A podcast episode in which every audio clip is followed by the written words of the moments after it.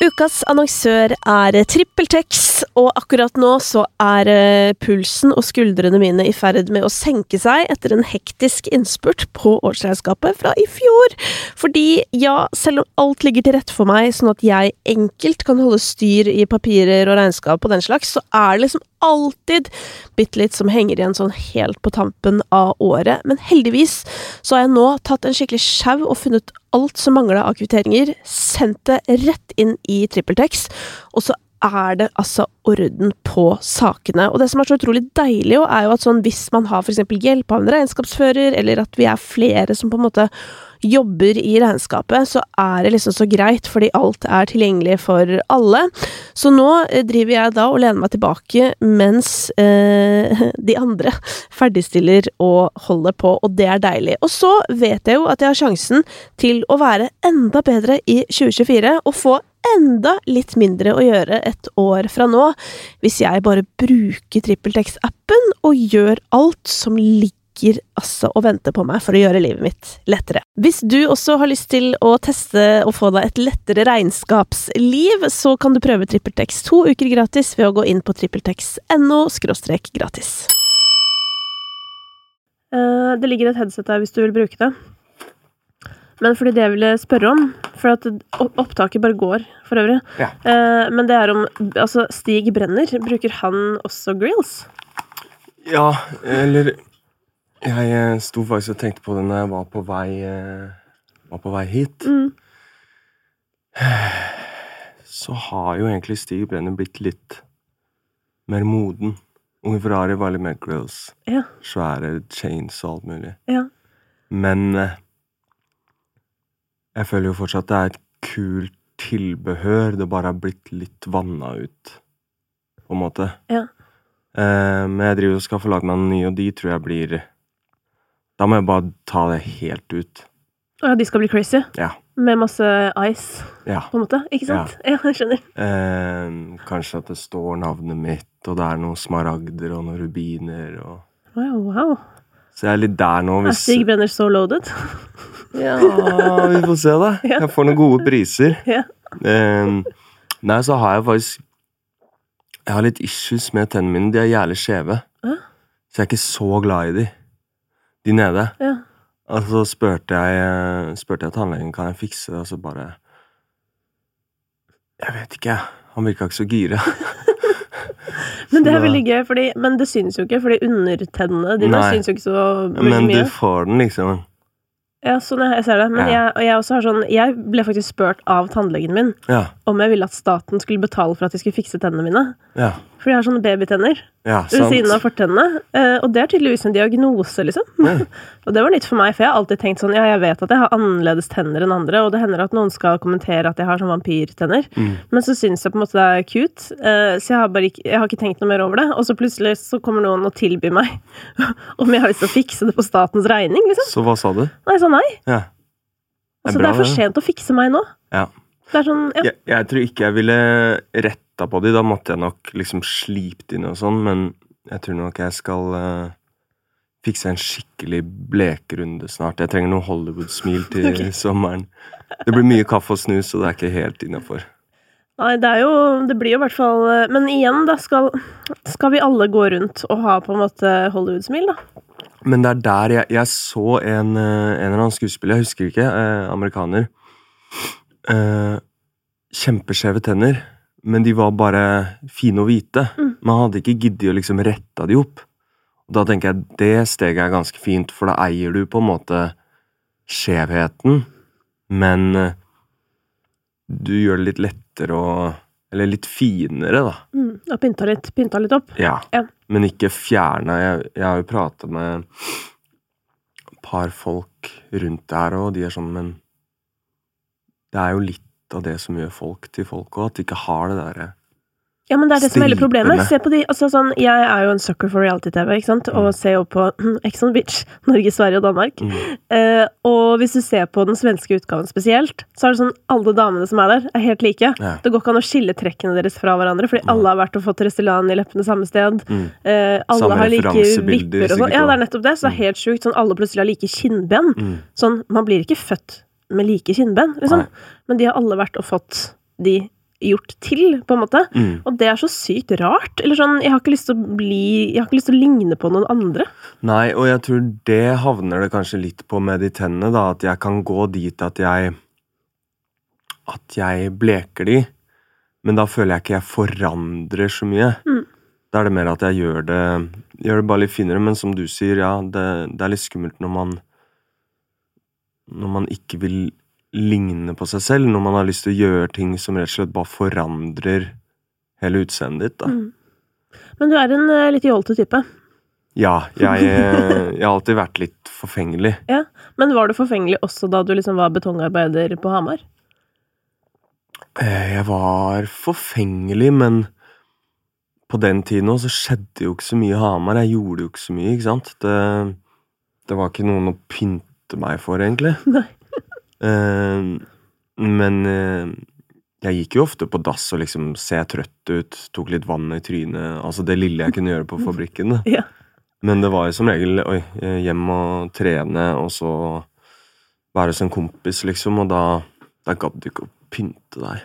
Ja, for det føler, blir ofte liksom snakket om sånn der type sånn spørsmål damer får, sånn der Føler du på utseendepress? Mm. Eh, fordi du har valgt den bransjen du har gjort, på en måte. Mm. Eh, men eh, det spørsmålet kan jeg like så godt stille til deg. Føler du på det at sånn at det kreves av deg på en eller annen måte at du skal se bra ut? Nei. Eh, jeg hadde en tweet der jeg spurte folk hvem i Norden som ser best ut. Jeg mener danskene. Eh, og så svenskene på andreplass, og så nordmenn på tredje. Ja. Av de tre. Eh, de fleste var enige, men jeg føler også, når jeg ser på mange norske artister, så er det sånn Baren er veldig lav. Eh, noen av de til og med som bruker stylister, og så er det sånn Ok, du har på deg en blazer, liksom. Er det her Ja, men blazer føler jeg er Jo, jo, Det er men det alle bare tar på seg, liksom. Ja, Det er sånn go to. Og ikke noe imot sånn derre Du er ikke fin nå, det er ikke det jeg sier, Mm. men jeg føler vel jeg kanskje har hatt litt lyst til å være den som pusher det litt, da. Mm. At jeg så ut som en kråke med den jakka mi på P3 Gull for noen år siden, og liksom Jeg roa litt ned nå på alt det der crazy greiene, men jeg, jeg syns vi tar for få sjanser, og så syns jeg Jeg vet ikke, folk dukker opp i en grå fleecegenser på rød løper og sånn Ok. Ja. Jeg føler meg litt truffet, faktisk. Jo, men jeg, jeg snakker er heller hovedsak om artister. Ja, det er nettopp det var det jeg Ja. skulle frem til òg. Jeg er jo ikke det, men til og med med sånn derre Jeg har sånn innimellom fått litt hjelp av en stylist, og han er så oppgitt over meg. Han er sånn derre Jeg husker jeg skulle på Debatten her en dagen, og han Mm. er bare sånn her Ja, hva skal du ha på deg? Så jeg bare sånn Hæ? Mm. Det vet jeg ikke. Det må jeg kle på meg etter jeg har spist middag, hvis du skjønner. Mm. Og han er bare sånn «Hm, Fuck det, liksom. Hvorfor Hvorfor tenker du ikke på det? Og så er det jo på en måte for meg er det jo bare et tidsspørsmål. At jeg har ikke kapasitet. Nei. Men, um, men jeg syns jo på en måte det er gøy, og da tenker jeg jo litt i samme retning som deg. Da, at sånn, Hvis man først da skal bruke den tiden på det, for det tar jo ganske mye tid Mm. å ha med det å gjøre, liksom. Mm. Da hadde jeg tatt på meg noe annet enn en blazer. Absolutt. Ja. Ja. Men er du enig? Er Eh, norske artister litt kjedelig? Ja, men jeg synes, jeg synes Hvis du skal eh, dra fram hvem som kler seg best i Norge, Sverige og Danmark av artister, så syns jeg jo det er rart å få sette Danmark på førsteplass. Fordi jeg er Jo. enig i at sånn København-stilen Ja. er på en måte Jeg finere enn tenker den vanlige Oslo-stilen. Ja. nordmann. Ja, ja, ja, og der Mm. ser du for deg liksom eh, københavnere, føler jeg, som kler seg i litt sånn veldig fine fargepaletter, gjerne litt sånn tone i ton. Mm. Um, Beige, beige, beige. Ja, Mm. veldig beige frakk, Uh, vide bukser, uh, fine sko, og det ser på en måte litt sånn kvalitet ut, da, Mm. på en eller annen måte. Um, mens danske artister føler jeg jo er litt harry, Ja, rett og det er veldig den derre brite-stilen med, med liksom litt trange boblejakker og uh, Hva skal jeg si? Jeg føler generelt De ser veldig like ut. ja, og jeg føler generelt ikke Danmark nødvendigvis er så forward musikkmessig. Nei. Eh, selv om det finnes unntak. Jeg digger eksempel et band som heter China, som jeg synes er sykt fett. Men Mm. uh, svenske artister, når du ser på svenske P3 Gull-gallaen, da, da er det jo mye fetere, for det Mm. er liksom De ser rå ut, da, men jeg syns jo eksempel Astrid uh, har hatt ganske mange heldige outfits. Vi har noen som jeg syns Eller som du ser bruker tid og faktisk legger energi i. Ok, hva det er på forrige gang? Skal det gå litt sammen? Går det sammen med releasen jeg har hatt? Eller kanskje fargepaletten på albumet jeg holder på med? Mm. Jeg legger jo merke til sånne ting, eh, men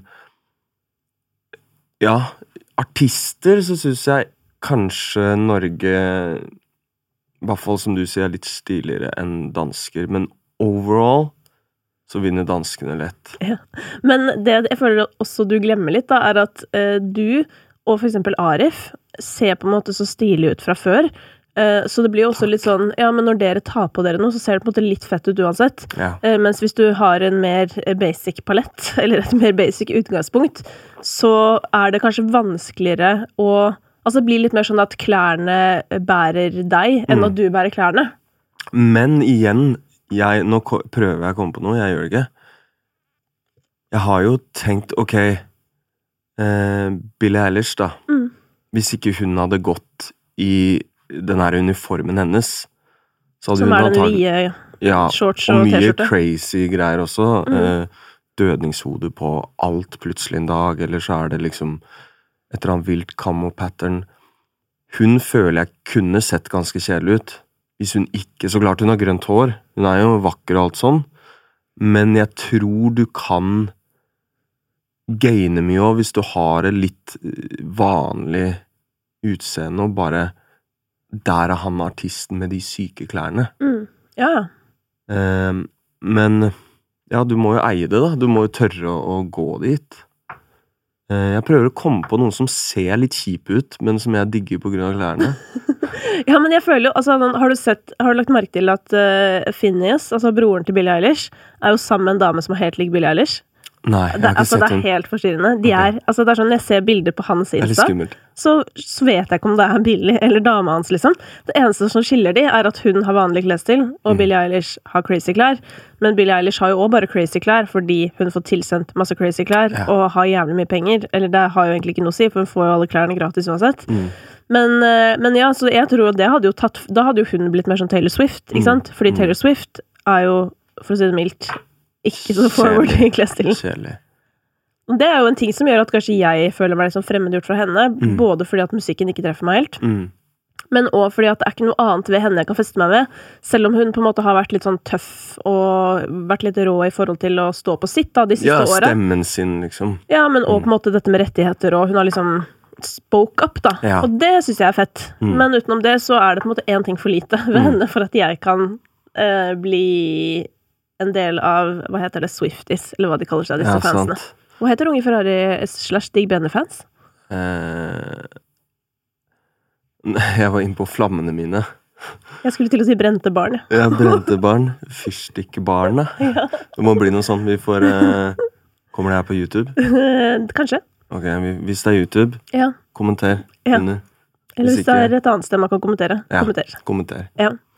Ja, Men men, eh, nå må jeg komme på noen som ser kjip ut, men som har kule klær. det er det eneste du tenker på. Ja, Som ser kjip ut. Hva mener du? Eller Ja, som er basic, på en måte? ja En som- artist med litt basic fjes, da, kanskje. Ja, men er det ikke bare å si en rapper av noe slag?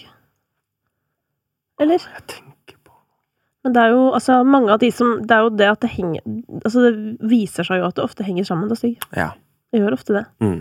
Men du får ta oss og komme tilbake til det hvis det dukker opp. Ja, jeg skal gjøre det. Ellers får du sende Poste det på Jeg kommer ikke til å levere hele får poste det på Story når du kommer Ja. på det. Kommer ikke til å levere under hele den podkasten her, for jeg bare sitter og tenker på det. Men eh, du, apropos denne podkasten her, den eh, inneholder jo et segment som folk har eh, funnet på. Altså folket. Altså de som hører på. Mm. De har funnet på at jeg skal stille kritiske spørsmål. Så jeg har skrevet de til deg. Mhm. Så skal vi bare get to it. Ja. Vet folk nok om Stig Brenner? Og med det så mener jeg vet folk nok om på en måte hvem du er. Eh, nå tror jeg man begynner å få et litt større innblikk i hvordan jeg er, og hvordan jeg funker. Eh, men noe jeg har gjort som jeg føler mange andre artister i Norge eh, kanskje brenner seg litt på, er at du gir alt med en gang, og du selger hele historien din med en gang, da. Jeg er nå på det sjette året, og jeg har fortsatt Jeg har fortsatt gamle ting jeg har opplevd, eller ting jeg har vært gjennom, som jeg kan dele uten at det blir sånn 'Å ja, han snakker om det igjen', eller Folk er ennå litt usikre på hvordan jeg ser ut. Mm, på godt og vondt. Men eh, jeg tror noe av denne forvandlingen som jeg er i nå, den innebærer jo også at jeg skal være litt mer åpen. Eh, og bare det 'sånn er du'-intervjuet så hadde jeg litt den innstillingen om at nå skal jeg bare Hvis de spør om noe, svarer jeg. Ja, for, det, for de som ikke veit det, du var nettopp eh, gjest hos Harald Eia og han andre. Å Ja. nei, det er slemt å si! Å nei! Samboeren til Astrid S. Ja. Eh, herregud, hva heter han igjen? Harald Eia og eh, eller sånn Han heter noe sånn Brenna, tror jeg. Ja, ok, samme det. I hvert Jeg vet ikke så selv, så jeg skal ikke Å shit, jeg vet Jeg, egentlig husker, skikkelig godt, men jeg fikk, på navn jeg fikk og fjes. Ja, og nå frøs hjernen min, liksom. Mm. Så, Hjernen min begynte å fryse i går klokken 15.00, og den har liksom ikke våkna siden. Men samme det, eh, du var der. Ja. Eh, og i forkant av det så har du da svart på en personlighetstest. Mm. Um, og det er jo ikke sikkert alle som hører på dette, har hørt den, så kan du ikke, kan du ikke gi oss noen highlights da, av det du på en måte fant ut om deg selv, eh, og det folk fikk vite? Ehm, tro det eller ei, jeg er ganske elendig til å gjenfortelle ting av og til, så kan hende jeg ikke komme fram med så mye. Men Hvordan eh, sto det til med nevrotisismen? jeg, jeg fikk et overraskende godt eh, resultat, hvis jeg kan si det sånn. Ja, men du vet at eh, den testen der, det er ikke noe rangering, det er ikke noe som er bra eller dårlig, det er bare et resultat. Jo, men jeg følte jeg kom godt ut av det. okay. For jeg var litt redd for at, for at jeg skulle liksom At jeg skulle få en åpenbaring som kanskje ikke var så bra. Da. Litt sånn der å helvete, at jeg skulle gå hjem derifra og bare Det her må jeg jobbe med, og nå er jeg nødt til å liksom bli bedre. Ja. Men øh, det, det var egentlig ikke noe revolusjonerende, altså. Men uh, jeg føler jo også at jeg har nevnt mye av de tingene vi snakka om der før òg, men, men nå fikk man kanskje alt i ett, da. Men det var et, også et litt rart intervju, fordi vi gikk så i dybden så fort, og så kom det litt neste spørsmål, så når jeg gikk hjem derfra også, så var jeg litt sånn Hva skjedde nå? Ja. Jeg, jeg fikk det ikke helt med meg. Men øh, jeg øh, Det var noen som hadde sagt jeg var litt kokett, Okay. som de hadde snakka med. Og da kjente jeg jeg gikk litt i sånn forsvarsmodus med en gang. Så bare eh, Hvem sa det? Eh, det fikk jeg aldri vite heller. Og at jeg kunne fiske litt eh, hvis jeg får komplimenter, da. Så kanskje litt sånn fortsette Ja, du syns det var bra, ja? Fortell, liksom. Og det kan nok også stemme. Eh, men eh, da ble jeg mest nysgjerrig på hvem er det de har prata med nå. ja. Fordi en del av meg er sånn En del av meg er enda litt redd for at folk skal synes noe dritt om meg, Mm. eller ha et dårlig inntrykk, mens en annen del driter i det. Men jeg vil jo ha Jeg vil jo at folk skal like meg. Mm. Men på den andre siden så driter jeg i hva folk syns. Og så står jeg litt imellom der, da. Ehm, Men det du sier um, om å på en måte bry seg om hva andre syns, det er jo på en måte det mest menneskelige ever. Fordi det er så lett å tenke at sånn Å nei, det er noe feil med meg fordi at jeg bryr meg så mye om hva andre syns. mm, Uh, og det er jo også gjort forskning på dødsleie, vet du. Mm. Uh, hos mennesker som er døende. Hva de angrer mest på. Og det mest vanlige svaret på det spørsmålet er jo at man angrer på at man levde livet sitt uh, sånn andre forventet at du skulle gjøre det, Ja. og ikke sånn du hadde lyst til selv. Men samtidig så er det bare det at det å ville bli likt er på en måte det mest grunnleggende menneskelige som fins, fordi vi er flokkdyr. mm, Eh, og på en måte det å da være den rare, eller den utafor, eller den som er annerledes, og som gir faen i hva alle andre syns, det Mm. er egentlig eh, ganske sånn ikke-menneskelig, på Nei. en eller annen måte. Eh, så det er veldig rart hvis man bare er sånn. Mm. Da er man på en måte ekte evolusjonsmessig unormal. mm. Jeg, jeg prøver å ikke bry meg fordi jeg har ikke godt av å bry meg. Mm. Men så, som du sier, så er det jo en del av meg som Altså, det, jeg ville vært en liten psykopat hvis jeg ga totalt faen i hva folk syns. Men jeg klarer å å sette det vekk da hvis den personen eksempel ikke betyr noe for meg, eller ikke kjenner meg godt nok til å synes det de syns, eller bla, bla, bla. Mm. Men jeg kan jo kjenne at jeg blir litt sånn Ok, det her har jeg lyst til å finne ut av mm, hvis det er en person jeg bryr meg om, da. Mm. Og de har sagt et eller annet, eller jeg, jeg, det kommer noe tilbake til meg, så, så vil jeg gjerne komme til bunns av det, iallfall. Ja. Og hvis jeg så er litt sånn, Ja. så får det være. Ja. Men uh, jeg eh, Jeg tror det har kommet veldig med årene, litt det derre Jeg bryr meg ikke like mye om Om hva alle syns, Mm. men det er noen få jeg må høre på, da. Ja. Og de pleier som regel å ha rett, de Ja. jeg hører på. Det høres jo sunt ut, da. Og Ja. det er jo litt sånn, men, men da er vi jo over på den andre tingen som ikke er så veldig menneskelig, på en måte. Og det er jo det der å, å være en offentlig person, og på en måte gjennom det eh, gjøre seg til gjenstand for veldig mange meninger, Mm. på en måte. Fordi at Mm. folk flest trenger ikke det. Folk flest har ikke tråder på jodel om seg, hvis du skjønner. Mm. Så slipper man unna det, mens på en måte for din del så blir det jo sånn nå når vi sitter og snakker sammen, så er det bare noen få dager til albumet ditt skal ut. Folk kommer til å snakke om det, folk kommer til å skrive om det, de kommer til å mene ting, tolke tekstene dine i ulike retninger. Mm. Eh, og da blir man jo også litt sånn i en skvis, sånn derre eh, Du har jo lagd det, det er jo deg. Så du vil høre på hva folk syns, Mm. men samtidig, de kjenner ikke deg. Nei. Så de vet ikke hva intensjonen din var med det du gjorde. Nei, og, og så klart døm i vei, men jeg tror noe av det som har hjulpet meg mest, er eh, et par år siden så bare hadde, hadde jeg en liten prat, jeg husker ikke helt med hvem, eh, om, om anmeldelser. Og da var det to ting vi kom fram til, og det ene er sånn Ikke gå ut og være bitter over en dårlig anmeldelse, eh, fordi da føler jeg du synker ned på nivået til hvis noen har vært litt frekke, la, la oss si det, da. Eh, det at du da går ned igjen og liksom går på dems nivå, og 'jeg syns ikke det her er fair' jeg, Det er ikke mot alt det som har vært det siste, det skal være lov å klage, for eksempel hvis du begynner å, å kritisere utseendet til noen, eller ting som ikke har noe med musikken å gjøre. Mm. Men jeg har aldri laget musikk for at Jon skal sitte og dømme det, og han er 45. Altså, jeg har hatt uh, anmeldelser i min lokalavis der han avslutter med 'Jeg liker ikke denne sjangeren'. og bare det alene for meg var sånn Ok, det her er siste gang jeg tar noe fra en anmelder liksom veldig seriøst. Mm. Um, men samtidig da også så tror jeg jeg lærte meg å bare gi litt faen i i det vi snakka om, da, og hva alle andre syns, og da blir på en måte de anmelderne en del av det. Jeg syns ikke man skal dømme musikk. Man kan godt dømme ok, det her er ti desibel lavere enn alt annet på Spotify. Det gjør vondt i ørene når jeg hører på det. De burde mastre og mikse det ordentlig. Da er vi inne på et litt annet felt.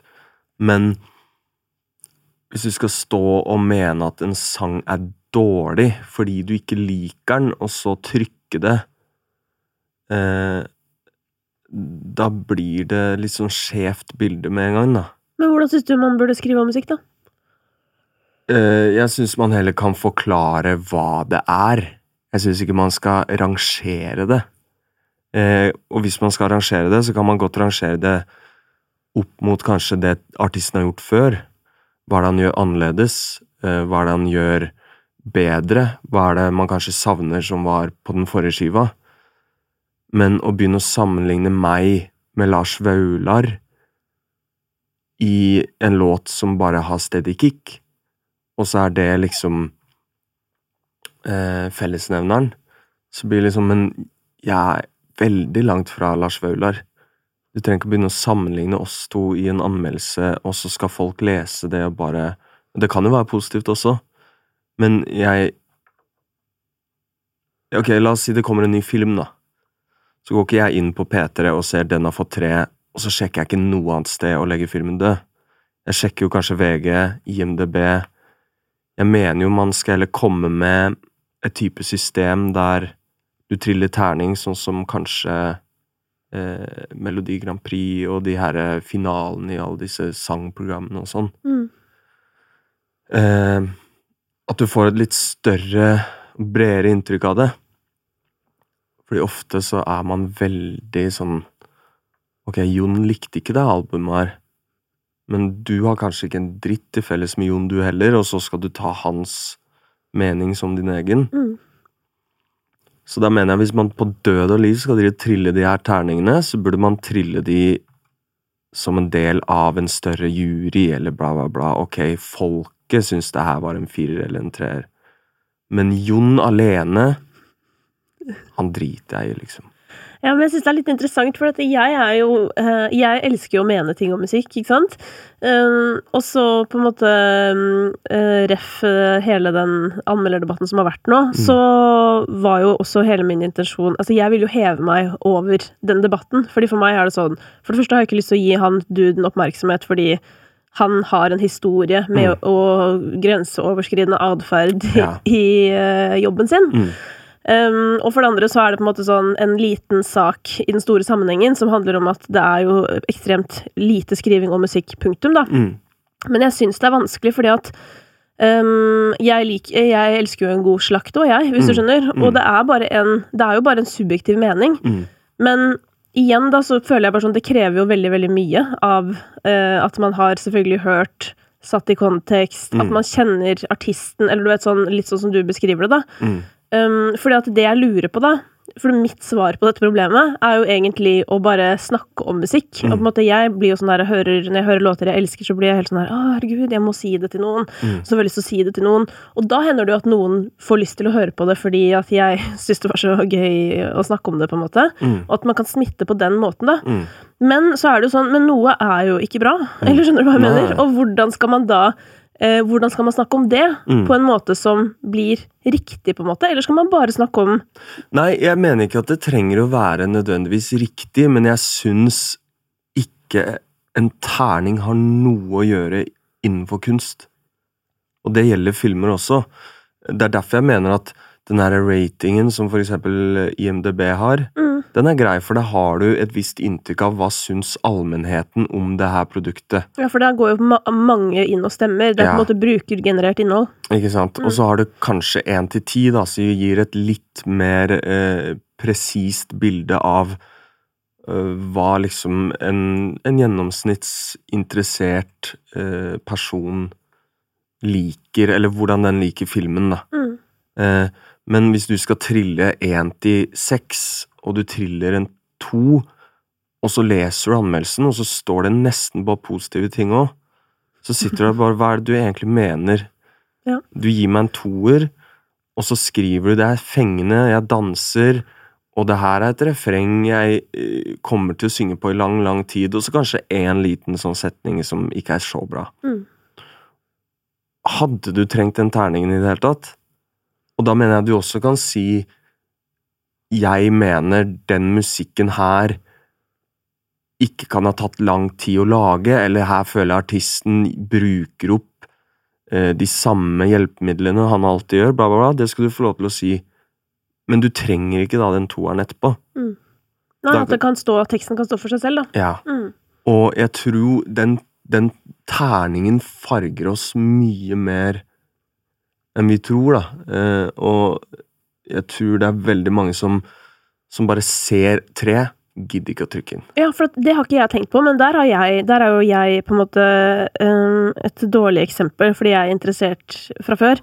Men jeg lurer på om det var Dagny som sa det. Bare sånn, bare sånn, det terningkastet kan ha veldig mye å si for meg. Mm. At det er det som er greia, at sånn, det påvirker mye, fordi at det er sånn det gjør Altså, når man får en god anmeldelse, så får folk lyst til å sjekke det ut. Folk mm. får mer lyst til å booke deg til festival. Altså, alt det bygger Altså, det baller på seg. Mm. Men en ting som jeg også har tenkt på med anmeldelser, da, det er jo dette her med sånn, og generelt med skriving i media, at det er veldig sånn at det kommer opp sånne yndlinger, ikke sant. Mm. Sånn derre uansett hva de gjør, så får de bra terningkast, hvis du skjønner hva jeg mener. Mm. Bare fordi man syns artisten er så fet. Og det syns jeg også er litt sånn en interessant diskusjon. Mm. Hvordan eh, det alltid er sånn positiv omtale av det som er riktig å like mm. i den gitte tid, da. Og det lyser ofte veldig gjennom.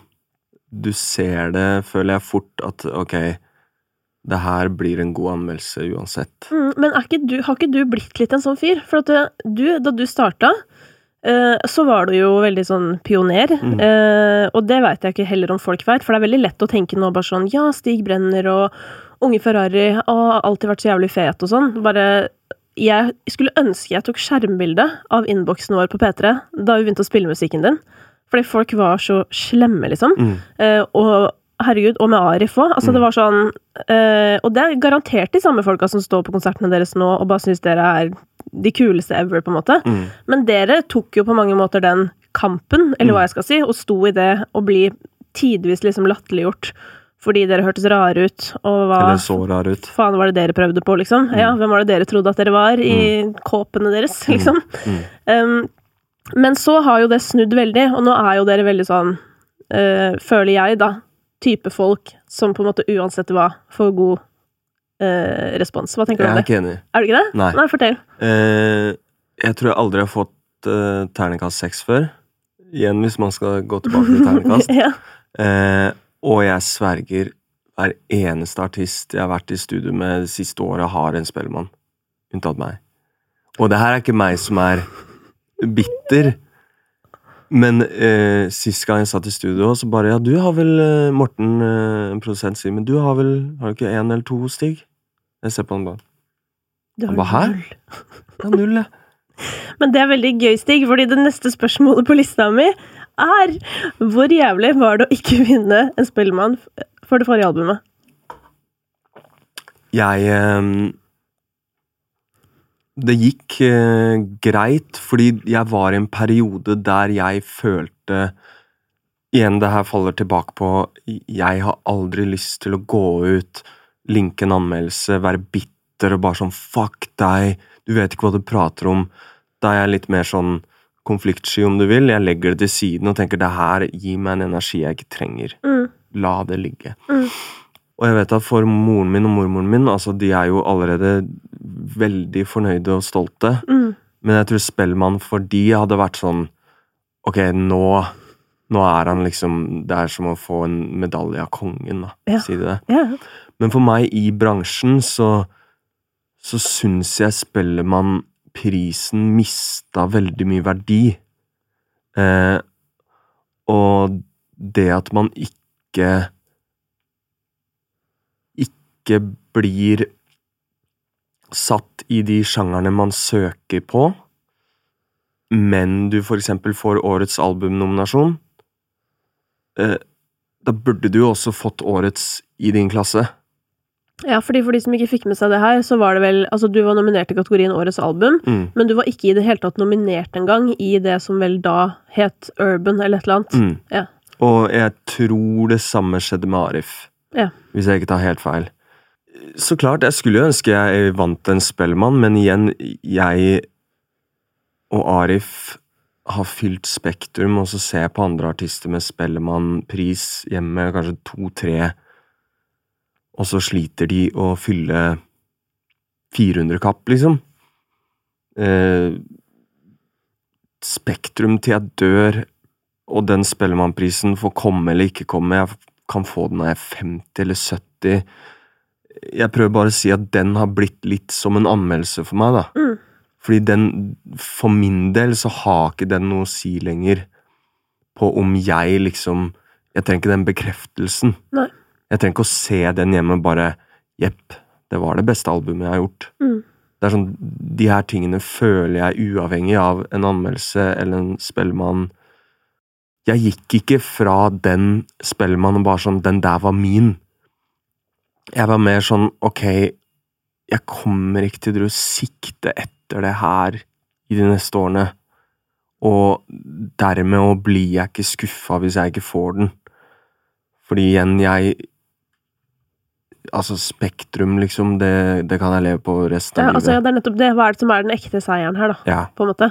Og det er jo liksom eh, Og der har jo på en måte eh, den eh, Staysman-gjengen på en måte et veldig godt poeng, syns jeg. Det er sånn Hvem bryr seg, på en måte? For Mm. at, eh, hvem er det som egentlig vinner? Mm, Eh, avisen vinner på en måte litt ved å slakte de fordi de får noen klikk, på en måte. Men Mm. det er jo de som er de ekte vinnerne, og som kommer til å le hele veien til banken for alltid. Mm. Så det er jo helt Staysman er rikere enn de fleste artister, sikkert. Ja, sikkert. Selv om han hadde får ener og toere.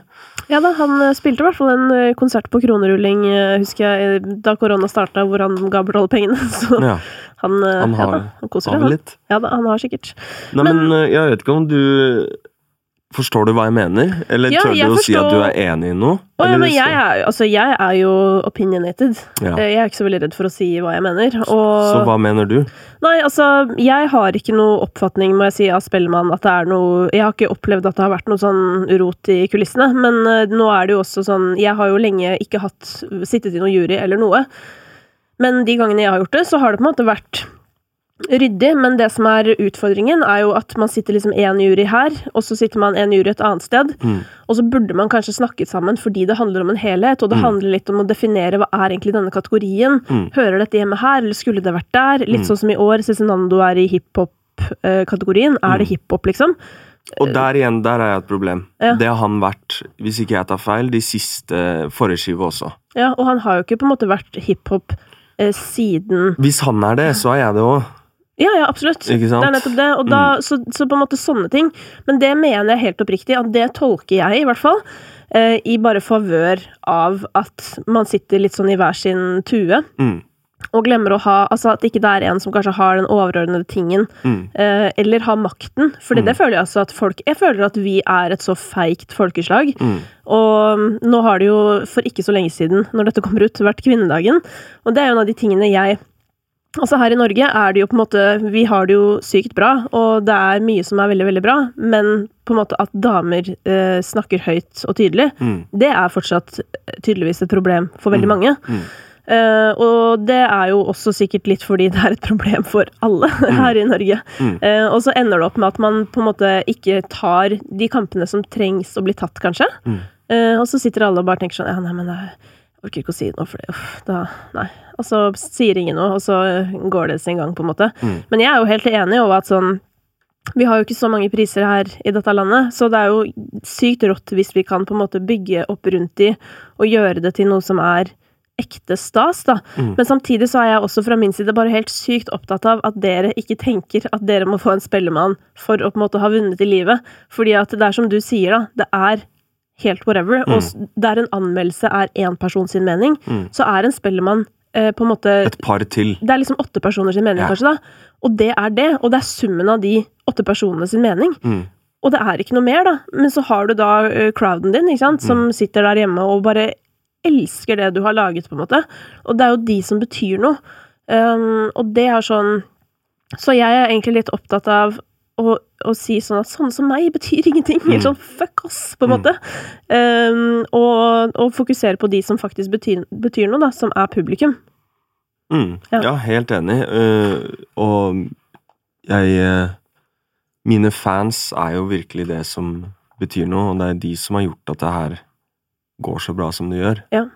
Eh, så klart, det hadde sikkert gått opp et par tusen i pris med en Spellemann. par tusen. Ja, Ja. men eh, det er deilig å være på et sted der jeg for det første ikke blir eh, lei meg når jeg taper, Mm, eh, og for det andre at jeg vet at jeg ikke trenger det. mm.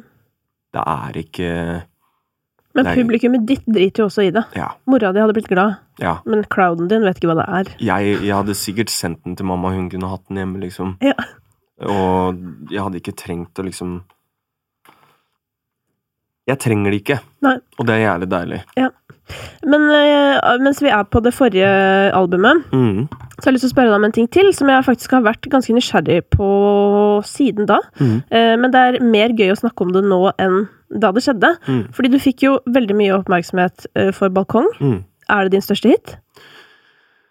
Ja, den er vel rett over Vi kan ikke være venner, tror jeg. Ja. 500 000 over, eller noe sånt. Så det er den som har streama mest. Den ligger Mm. vel på sånn 17 millioner ish. Noe Mm. sånt. Um, men uh, i forbindelse med uh, slipp av den låta, Mm. så ble det jo veldig mye snakk om det den låta handler om. Mm. Um, og det er jeg nysgjerrig på. Altså sånn, hvordan opplevde du å få så mye fokus på et så alvorlig tema? Jeg eh, Det som var fint, da, var at jeg skrev jo den lenge etter jeg sto midt i det.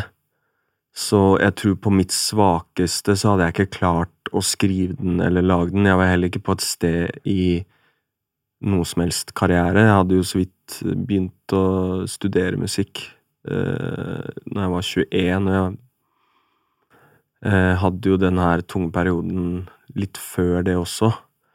Eh, men jeg husker en hendelse. Da var vi i Trondheim, og så eh, hadde jeg søskenbarna mine backstage.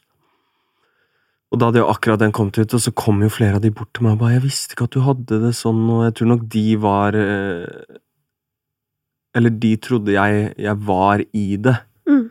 Eh, og da måtte jeg bare betrygge de og si sånn 'Det her er lenge siden, og dere trenger ikke å være bekymra, det går bra'.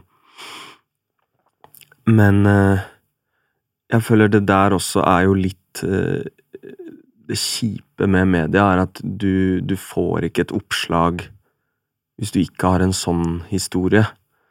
Eh, det beste var vel at alle Alle tilbake Eller jeg tror folk trengte en som meg til å putte noen ord på sånne følelser. Eh, så klart, folk har vært eh, ærlige om det før, men kanskje ikke fra akkurat en person som meg, da. Mm. Eh, men siden jeg var liten, og på grunn av liksom en veldig uhøytidelig familie, så har jeg alltid vært veldig åpen om ting og lett å prate med, og, og, og har ikke noe problem med å dele litt personlige ting. Um, så Jeg vet ikke, det var ikke Det var bare fint, egentlig. Mm. Men eh, det er jo Du må jo Du må nesten ha en kjip historie før du får noe oppslag noe sted, da. Ja, men altså, tingen Altså, greia med det er jo bare at liksom um, for, for publikum, ikke sant Det Mm. handler jo om å liksom connecte. Uh, og det er vanskelig å koble seg på eh, Hvis man ser liksom de bildene av deg og Arif da, når dere har på de sjuke klærne deres og er fete, liksom, Mm. så er det bare mer sånn 'Å, fy faen, de er jævlig fete'. Men det er jo Mm. vanskelig å bli glad i dere, på en måte. Altså, sånn, skjønner du hva jeg mener? Mm. Så det er jo det det handler om. Og, og jeg er nysgjerrig på sjøl sånn Må det være eh, en grusom historie om psykisk helse, eller kunne det òg på en måte vært noe annet? Det kan godt hende det kunne vært noe annet også. Men jeg tror det er det det handler om, da, det der å se noe sårbarhet. Og det, Mm. det er bare fordi at det er sånn som gjør at man kobler seg på Mm. deg, liksom. Jeg tror det jeg klarte best med Balkong, er at det er en fin låt å høre på eh, selv om den er så veldig dyster, da, og det var jo det jeg ville når jeg lagde den også, at det Hvis du ikke hører etter, så kan du vaske husstilen, liksom. Det er Jeg føler mange sånne her låter eh, får man veldig sånn Åh, jeg tør ikke å høre på den, fordi Mm. sist gang så gråt jeg. Mm. Kan nok hende mange har det sånn med balkong også, men jeg klarte å få inn litt begge deler, da. Det er ikke bare den her dagboka mi, den her hører du på fordi det er et supertrist. Jeg føler vi klarte å liksom å gjøre den til noe eget, og Mm. noe større enn bare liksom Her skal du høre hvor kjipt jeg har hatt det. Eh, men jeg merker jo når jeg skriver òg, at det er lettest for meg å være trist og skrive litt Skrive om litt kjipe følelser. Eh, hvorfor vet jeg ikke, ass, men jeg har det vel litt motsatt av eh, Av Isa, da, kanskje. Fordi han skriver om gladfølelser. Ja, og Han er ung, vet du. Han har ikke, han har ikke gått på smellen ennå. Nei, vi hadde, vi hadde en session her om dagen, og så pusha jeg han til å lage en trist låt. da. Gjorde du det? Jeg måtte gjøre det. Ja. Nei, men han fortalte jo da han var her, da, apropos, han fortalte jo at, eh, at han har jo kjent på litt vanskelige følelser, kanskje spesielt fordi det har bare gått så sykt fort, da. Mm. Og han har jo også tidligere faktisk vært åpen om at han har også hatt det vanskelig før der igjen, så Mm. det har han jo, men, men, øhm, men ja, han har jo, jo, har jo en litt annen type energi. Han er jo en utrolig sånn bubbly type når han er påkoblet. Igjen, Ja. Det er derfor jeg også ville pushe ham, for jeg tror at hvis folk nå hadde fått høre den her siden av han Mm. For min del altså, så tror jeg også balkong gjorde at Du visste at jeg kunne være følsom fra før av, men her fortalte jeg på en måte noe jeg aldri har fortalt før. Alle har hatt litt kjærlighetssorg og sånn. Det er jo given, men eh, Jeg føler hvis man er inne på Isa, at hvis han kunne hatt en litt sånn balkonglåt òg, så tror jeg han kan hjelpe veldig mange andre, og, og liksom At han kler av seg selv litt, da, og bare enda en person som han er sånn Ok, han også er menneskelig. Mm. Mm, du får ofte inntrykk av liksom at kjendiser ikke De har ikke sykdommer, de har ikke utslett, de ser våkne ut uansett, eller de trenger ikke søvn, og de fester hele døgnet. Jobben er en ferie, og så kommer balkong, og så sitter kanskje mange der og tenker ok, han er litt sånn som meg. Han Mm. har følt på noe av det jeg har følt på. Eh, jeg vet ikke helt hvor jeg skal. Jo, men det som er noe av det fineste med det, da, syns jeg, da, det er jo at dere på en måte hjelper eh, hjelper til med å gjøre oss til hele mennesker. For Mm. at eh, åh, Jeg føler at jeg bruker liksom mine egne eksempler til det kjedsommelige, men, eh, men jeg føler det er bare så godt eksempel. Da jeg begynte å gå ut i skogen, Mm. så, så var det liksom mange av mine følgere på Insta som er sånn Mange digger det, mens andre er sånn Hva faen er det du driver med? Mm. Du er sånn, du er jo sånn som er på fest. Mm. Hvorfor er du i skogen? Mm. Og så er det sånn Ja, Det kan jeg gjøre begge deler, eller? Mm. Kan, eller skjønner du? Mm. Hæ, har du angst? Du er jo sånn Du har jo alltid bare vært sånn drittøff og og Så er det sånn Ja, jeg er fortsatt det. Mm. Jeg så Opera-intervju i går. Ja. Så du? Nei, med Megan og Nei, gud, jeg har ikke sett det. Men eh, hun, da syns jeg hun var litt uh, teit, men hun bare sånn Men hvordan kan du ha følt deg fanga, sa hun til prinsen. Mm. Så ser han på henne og bare Hva mener du fordi jeg smiler og tar folk i hendene? Du har ikke noen idé om hva som foregår inni hodet. Og jeg tror vi, vi som er der ute såpass mye, vi blir veldig flinke til å ta på en maske og riste av oss ting i den tiden det trengs, Mm. og så tror jeg vi også blir flinke til å gjemme de her vonde følelsene, i hvert fall i starten, for det er sånn, det her har ikke folk, folk godt av å se. Det her bør de ikke se, og det var jeg Sånn var jeg i starten. Da var det veldig sånn Den her siden selger jeg ikke, eller selger ikke, Mm. fordi jeg skal portrettere at alt er bra, og alt er fint, og jeg har penger, jeg hadde ikke penger, og jeg drikker masse, fester masse, har det kult. Og så begynner man å innse at den ekte historien her er jo faktisk at jeg føler på akkurat det samme som alle andre. Mm. Det er ikke det at jeg drar på denne festen for tredje dag på rad og eh, gjør disse her tingene og kjøper eh, eh, halskjede til 100 000 og liksom Drit i det, nå har jeg skjønt at ok, jeg kan lage en kjempefin låt om at siste måneden så har jeg vært deprimert. For eksempel, da. Eh, jeg tror jeg var veldig redd i starten for at det ikke skulle være nok. Den jeg var uten smykkene og pengene og klærne. Det var ikke en del av artistkarriera, da. Mm. Og så føler jeg at nå har det snudd. Så nå begynner jeg å legge de materielle tingene litt bak meg og bli litt sånn ok, jeg burde dele noen flere historier fra jeg var yngre, jeg burde snakke litt mer om kanskje akkurat hvordan jeg har det i dag. Låta trenger ikke å være sånn derre anthem, alle skal synge med, det kan være liksom jordnært. Mm. Eh, og det tror jeg mange mange også merker i det de starter, kontra kanskje ja, et par år Mm. uti der, da. Mm. Altså, jeg merker det jo, for at jeg har jo fulgt veldig mange av dere fra starten. Mm, Og det er veldig spennende å se hvordan folk endrer seg etter hvert, da. mm, Og som jeg pleier å si, for at, det- og når jeg på en måte skal lære opp noen, eller jobbe med prosjekter hvor eh, artister skal med, men så har de andre i prosjektet aldri jobba med artister før, mm, så er de ofte sånn derre altså, For å ta deg som eksempel, for eksempel, da, uten at du har vært et faktisk, men jeg bare ser for meg sånn Å ja, Stig Brenner, ja, ok, nei, han er sikkert litt sånn vanskelig, eller du vet, han er sikkert Og så prøver jeg alltid å si sånn Altså, de mest etablerte mm, er de letteste. Mm. Altså, de er alltid lettest å jobbe med. Mm. For at de vet hvor de er, de vet hvem de er, de vet hva de skal gjøre. Mm. Det vanskeligste er alltid folk i starten av karrieren Mm. som er livredde for å gjøre noe feil, som ikke har på en måte landet i hvem de er. De vet kanskje ikke om de er på riktig vei musikalsk. mm, Altså, de vet ingenting. Det er det vanskelige, og Mm. det er jo også liksom vårt ansvar, føler jeg, da, som da jobber i media, det er jo de som man må ivareta, på en måte. På, en, altså på, en, ja, på et eller annet nivå. Mm. Eh, og trygge, ikke sant. Mens ja, du har jo landet litt nå, ikke sant. Og, men det jeg blir nysgjerrig på, er jo hva eh, Eller går det an å si noe om når det på en måte landa, og hva Når var det du på en måte begynte å skjønne at sånn Oi, fuck, altså hvorfor prøver jeg Mm. å i gåstegn tøffe meg sånn? Jeg, igjen, Twitter, jeg tror jeg spurte når folk begynte å finne seg selv.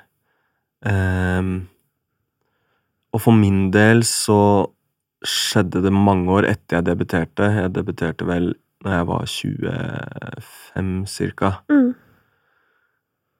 Og da var jo ikke jeg føler meg selv. Jeg drev jo fortsatt og liksom Jeg vet ikke. På alle mulige måter prøvde å finne meg selv, men jeg gjorde alt mulig på den veien, da, og det fikk jo alle se i videoer eller intervjuer eller øh, låter, altså Jeg føler alt til nå har bare vært min reise som jeg har blottlagt. Men når det skjedde, var vel egentlig kanskje rundt forrige album og 27-28. Mm. Da begynte jeg å bli trygg på meg selv, jeg begynte å gi litt mer faen i eh, hvordan jeg så ut, og ting ved utseendet jeg aldri egentlig kunne endre på uten å gjøre, sånn som vi snakka om kosmetiske inngrep. Eh, og jeg tror det er uavhengig fra person til person, men for meg var det, var det rett og slett bare snakk om tid og erfaring. Bare jo nærmere jeg kom 30, jo mer trygg på meg selv ble jeg, og, og nå er ikke jeg redd eller usikker, og nå føler jeg virkelig at jeg gjør ting jeg kan stå for om 10 år, 15 år, 20 år, resten av livet, da. Mm. Det er litt derfor jeg splitta det her eh, Unge Ferrari og Stig Brenner også. For jeg følte at reisen til nå eh, vil jeg legge bak meg. Jeg vil ikke glemme det, jeg fjerner det jo ikke. Det kommer til å ligge på Spotify, men nå er jeg på en måte Nå er jeg etablert i, i ordets rette forstand, da, på Mm. så mange måter. Mm. Eh, og det var jeg ikke før liksom et par år siden. Fortsatt usikker. Eh, jeg føler meg jo heller ikke 30 år gammel, og det skal jeg holde på. Jeg skal være litt barnslig, jeg skal være litt drittunge. Ja, absolutt. Eh, men eh, det går også litt tilbake til det å drite i anmeldelser, drite i hva folk tror, synes, og hva de snakker om bak ryggen din. Eh, liksom Har denne personen noe å tilby, eller er det liksom støy i, i synet? Er det Ja. Det er mye dritt du tror du trenger før du har landa, da. Jeg syns det er gøy i Billie Eilish-dokumentaren. Har du sett den? Nei, men jeg har hørt veldig mye bra. Ja, fordi at eh, det var bare sånn classic sånn der at eh, hun skal ut på meet and greet, og så mm, er det bare masse sånne der gamlinger, hvis du skjønner. Altså typ sånn, Og hun er bare sånn hva, hva er det her, liksom? Mm. Hvem er de folka? Hvorfor må jeg dette? Jeg har ikke energi til det, liksom. Og så er de bare sånn Jo, men det er viktige folk. Og så vet du sånn Det er tanta til broren til faren til en som jobber i Spotify. Mm. Eller du hva jeg mener? Mm. Bare sånn sykt bortkastet energibruk, da. Mm. Eh, Men likevel bare hun liksom Hva skal man gjøre når man er ung, da? Og Mm. noen sier at det er viktig. Altså, må gjøre det. ja, det er nettopp det. Mm. Å bare lære seg, men så blir du eldre, så skjønner du sånn Ja, men dette er ikke viktig Nei. i det hele tatt. Og så kan du heller sende en video til det Spotify-kontoret hvis de absolutt skal ha noe. Ja, ja, ja. Nei, ja men, men, eh, ja, jeg, eh, jeg har landa veldig mye mer, og det er utrolig deilig. Jeg ser jo tilbake på ting jeg har gjort, og så er jeg ikke sånn Og jeg cringer ikke, men det er en Det er en annen person, føler jeg. Ja. Men hva er det Altså, hvis vi skal se på katalogen din, da. Mm. Hvor er du lengst unna deg selv? Sånn du er i dag? Det er nok til mine venner, ikke nødvendigvis fordi musikken er så dårlig eller noe sånt, men eh, jeg føler jo alt på den veien her har vært eh, Har vært eh, bare utforsking. Mm. Og eh, der eh, Altså, det var jo en bra debut, liksom, men eh, det er jo en grunn til at jeg legger det litt bak meg også. Mm. For nå har jeg lyst til å embrace den jeg har blitt, og bare la det vises i musikken også. Mm. Eh, men det er jo låter jeg ikke spiller fordi jeg bare føler det her Det her hadde jeg ikke laget i dag. Det handler ikke om at det er dårlig heller, men det her bare Det passer meg ikke lenger. Nei, men hva da, for eksempel? Hvilken låt er det du ikke spiller lenger? Nei, det er jo mye av det tidlige. da. Jeg tror hvis jeg drar ut på turné nå, når enn det går an, ja. så blir det nok eh, kanskje en medley av lia... Jeg tror det er lettere å si hva jeg spiller. ja. Det blir nok en medley av eh, lianer, eh, Vi kan ikke være venner, eh, balkong og kanskje én singel, jeg vet ikke, Ashanti, og én til fra Mimom, Mm. og resten er nytt, liksom. Men du må jo bare, altså til eh, mine venner, da, eller til til mine venner, Mm. så må du heller aldri glemme at det er jo på en måte, føler jeg, da, at det er liksom eh, moderne norsk Nei, norsk moderne R&B-historie. Mm. Eh, og det eh, må du jo heller ikke glemme. At sånn én ting er jo innholdet i låtene og sånn, men så er jo en annen ting er jo på en måte soundet. Og hva en låt som Hvis du vil, for eksempel, Mm. har betydd for sånn norsk musikk høres ut i dag. Jeg er dritstolt, og det her handler abs... Jeg vil ikke at noen skal tro at jeg er flau over de låtene. Nei. Men det handler bare om at eh, Det var et tidlig produkt, da. Ja. Litt prematurt i forhold til hvordan jeg er nå. Mm. Eh, eh, og det vil ikke si at det er dårlig heller, det vil bare si at Sette Sett det på hvis du vil høre det, men jeg kommer ikke til å spille det, på en måte. Eh, men ja, altså eh, Den anmeldelsen, faktisk tilbake på det, Ja. syns jeg var veldig fin i Dagbladet, tror jeg, når jeg kom med til mine venner, for da var det sånn De anerkjente i hvert fall at ok, her kommer det noe som Og her vil jeg ikke folk skal misforstå eller Jeg setter pris på en god anmeldelse hvis de skriver noe kult der til og med jeg på min egen musikk kan tenke sånn Hm, det har ikke jeg tenkt over. Mm. De kommer med en eller annen fakta eller noe informasjon som, som får meg til å se nytt på musikken min. da. Mm. Det er gøy, og det mener jeg også anmeldelser kan inneholde litt mer av. Litt mer teknisk. Ja, da, men Ikke det er jo litt mye det det handler om også. Å sette det i kontekst. Sette Ja. det i en større sammenheng. Men eh, da var det et eller annet om eh, Norges første R&B-crooner, eller et eller annet. Jeg tror det var Mathias Rødahl som skrev det. Mm. Eh, Kjære Mathias. Eh, får jeg en sekser nå, Mathias? Men eh, gjøre- hadde han vært kvinne, så hadde han mista jobben av det der. du vet det. For da hadde folk tenkt at dere var venner. Men han er jo var så de slipper venner. jo tydeligvis lettere unna. alle er mine venner. ja. Nei, jeg, jeg har ikke kontakt med han, faktisk, så vi er ikke der.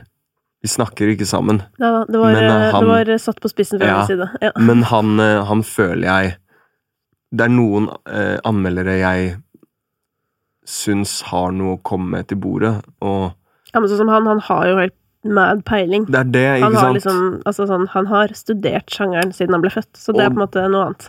Og da, da føler jeg at da er det noe litt mer enn en anmeldelse også. Mm.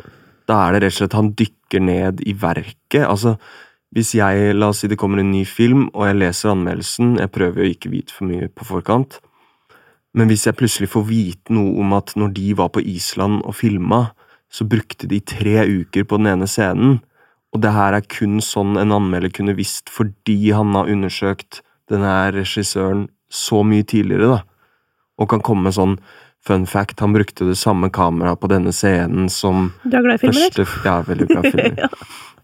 Men skjønner du hva jeg mener? Ja, jeg skjønner hva du mener, men Ja. jeg vet jo også på en måte hvordan media fungerer. Mm. Og det er jo litt sånn Der er jo nok du på en måte i en veldig liten Du og de som hører på denne podkasten, dere vil ha sånn. Ja. Folk gi faen, folk vil ha Ja. terningkast én. De vil ha uh, rett ut er De det bra ha- eller ræva. Ja, de vil at folk skal spise klær på TV, liksom. Mm. Så man får jo litt lyst til å gi opp. Absolutt. Så jeg liker ikke Jeg liker ikke en anmeldelse bare for å runde opp det. Jeg liker ikke en anmeldelse bare sånn 'oi, han ga meg fem, det er en bra anmeldelse'. Mm. Men poenget mitt er var Jeg liker en anmeldelse, som jeg sa, når, når til og med jeg lærer nesten noe nytt om min egen musikk, da. Mm. Og de kommer med noen kule poeng. Da blir jeg sånn ok, det her er mer enn bare Liker du det eller ikke? Det her er gått litt dypt inn i hva er det som foregår. Mm. Eh, men som det starta, eh, starta med, til mine venner Ja, det var jo en milepæl på mange måter, da. Mm. Det, det er jo langt fra hvor jeg er nå, men jeg føler jo Jeg føler jo ikke jeg er en helt annen person. Musikkmessig heller. Jeg føler jo du hører Unge Ferrari i Stig Brenner. Ja, ja, absolutt. Mm. Og i mange av låtene mye, og i andre av låtene mindre. Mm. Men uh, du var jo litt inne på det selv med dette her uh, At du i begynnelsen var liksom opptatt av å vise hvor kul du var, på en måte. Eller stilen, Eller festene, gjemte meg pengene. bak Ja. og tro jeg var kul. Hvor, um, hvor Men sånn som med Nå har man jo ikke vært ute på et år, da, men hvor mye liksom Hvor mye festing er det i norsk Hva skal jeg kalle det?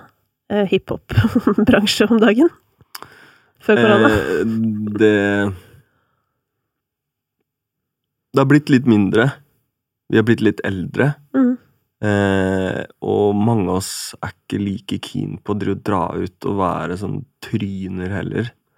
Det jeg merka på mange av oss, i hvert fall. Vi tar heller Vi tar heller en kveld og samler en gjeng på en kjempebra restaurant og drikker vin og spiser der hele kvelden, Mm. enn å være på Stratos eller eh, Eller et eller annet utested. Eh, eller så drar vi heller i studio og blir der til seks på morgenen, liksom. Eh, så jeg føler um, Ja, For det føler jeg er sånn bilde folk lukka. har. Ja, men det er sånn bilde folk har av, av kanskje spesielt liksom eh, sånn som dere, for å Mm. dra alle under en kam. mm, Eh, at det er på en måte mye festing i studio, og at Mm. jobben og på en måte festen eh, går veldig opp i hverandre, da. mm. Stemmer det? Jeg har eh, Det har også blitt en del av, av meg som litt eldre, er at jeg har begynt å ta jobben litt mer seriøst. Ja. Eh, så jeg eh, Jeg fester ikke i nærheten av like mye. Jeg har jo hatt et år i studio nå med Philip der jeg nesten ikke har tatt en øl i studio engang. Mm. Bare fokusert på å jobbe. Siste turné nå, så var jeg kanskje full fire eller fem av 30 stopp. Og da var det sånn kun drikke når vi hadde lørdag ferdig. Vi hadde ikke noe dagen etterpå, kanskje fri fem dager. For jeg bare merka at eh, jeg er glad i alkohol, men det er virkelig giftig, og den her fyllesyken, den er det verste for stemmen hvis du skal ut der, da, og gjerne litt sånn Det er ikke noe bra for angst eller at du går og gruer deg heller, ikke sant, fra før av. Så jeg vil si at jeg Det var mye mer festing før, da, Mm. for å si det sånn, og nå har vi blitt litt mer eh, hver for oss. Jeg var jo i studio med Arif for noen eh, dager siden også, og da var det sånn Jeg spør skal vi ta en flaske vin, og Arif er sånn Nei. Jeg bare ok, da driter vi i det. Ja. Og det er digg. Fordi som regel så får du ikke gjort så mye når det er dritings heller, altså. Nei. Nei, for det er jo det som på en måte er den der eh, romant det romantiske bildet, eller sånn du ser bare eh, alle disse amerikanske rapperne eh, drive og sender sende live på Instagram og er helt ute, liksom. Mm. Og så jeg bare Altså, jeg blir jo sånn bekymra for sånn Å nei, tror alle 13-åringene der ute som nettopp har kommet på Instagram, at man må være sånn Mm. for å bli flink? Mm. Jeg tror de fleste også har den perioden i starten av karrieren sin. De skal prøve ting, og de skal dra dit, og det, det er sånn Du blir tilbudt alt mulig overalt, og hvis du skal begynne å si ja til det, det fant jeg ut at ble veldig slitsomt, liksom. Det fins et vors, det fins et nach, og det fins et kjøleskap fullt av drikke og andre ting. Mm. Men eh, det er rett og slett farlig, da, hvis du, hvis du aldri kan si nei til en fest lenger. Ja, for dette her er jeg litt nysgjerrig på. Eh, det her har jeg faktisk aldri snakka om før, så det kjenner jeg at jeg gruer meg litt til å si. Mm. Men, eller jeg vet ikke hva du vet om mitt forhold til festing. Vet du noe om det? Jeg tror ikke du drikker så mye. Du drikker kanskje ikke i det hele tatt? Har aldri drukket? Det er ikke så, det er ikke så kontroversielt, for det er jo noe av det mest Du kontroversielle har man kan aldri prøvd dop? Nei, det har jeg ikke. Nei.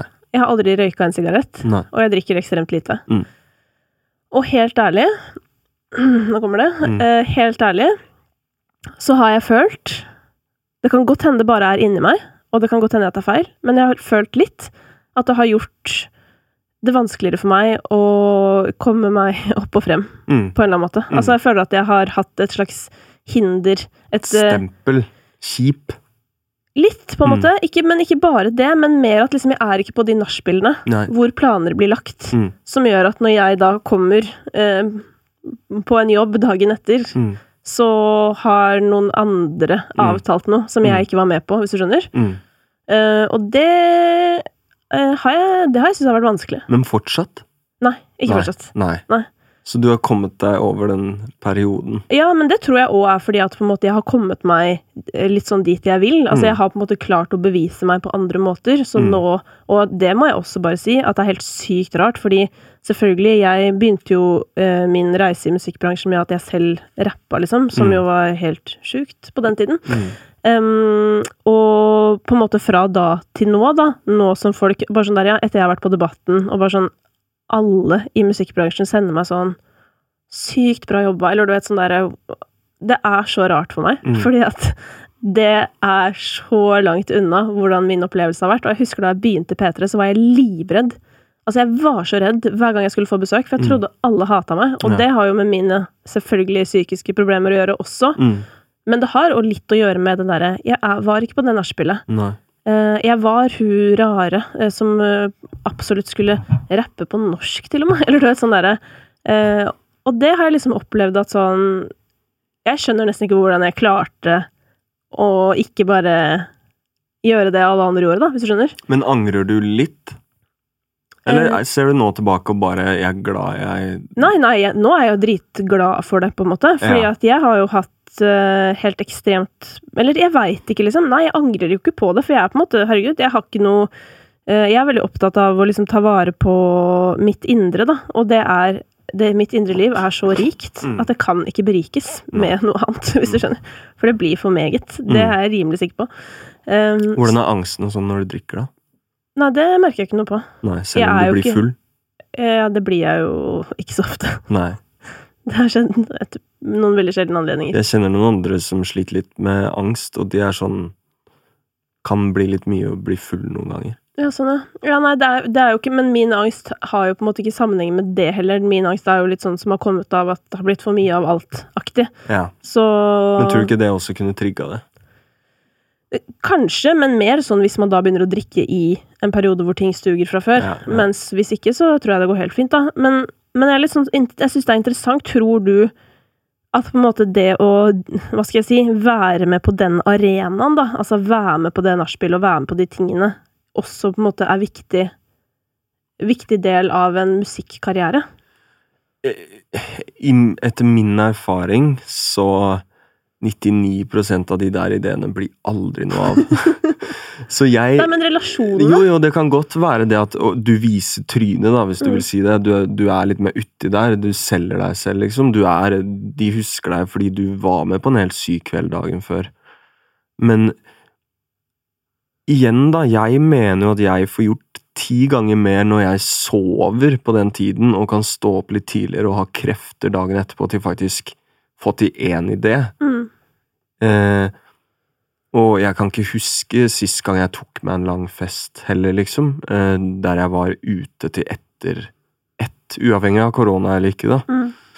Men eh, det er vel kanskje det litt fine med at folk rundt meg også har, har vokst litt fra den derre nach-perioden. Mm. Og jeg skjønner hva du mener. Jeg merker jo Det er noen ganger jeg har sagt nei til litt ting også, så er det sånn nå Nå har de det jævla gøy. Det er ikke nødvendigvis helt fomo heller, men kanskje noe sånn Jeg håper ikke de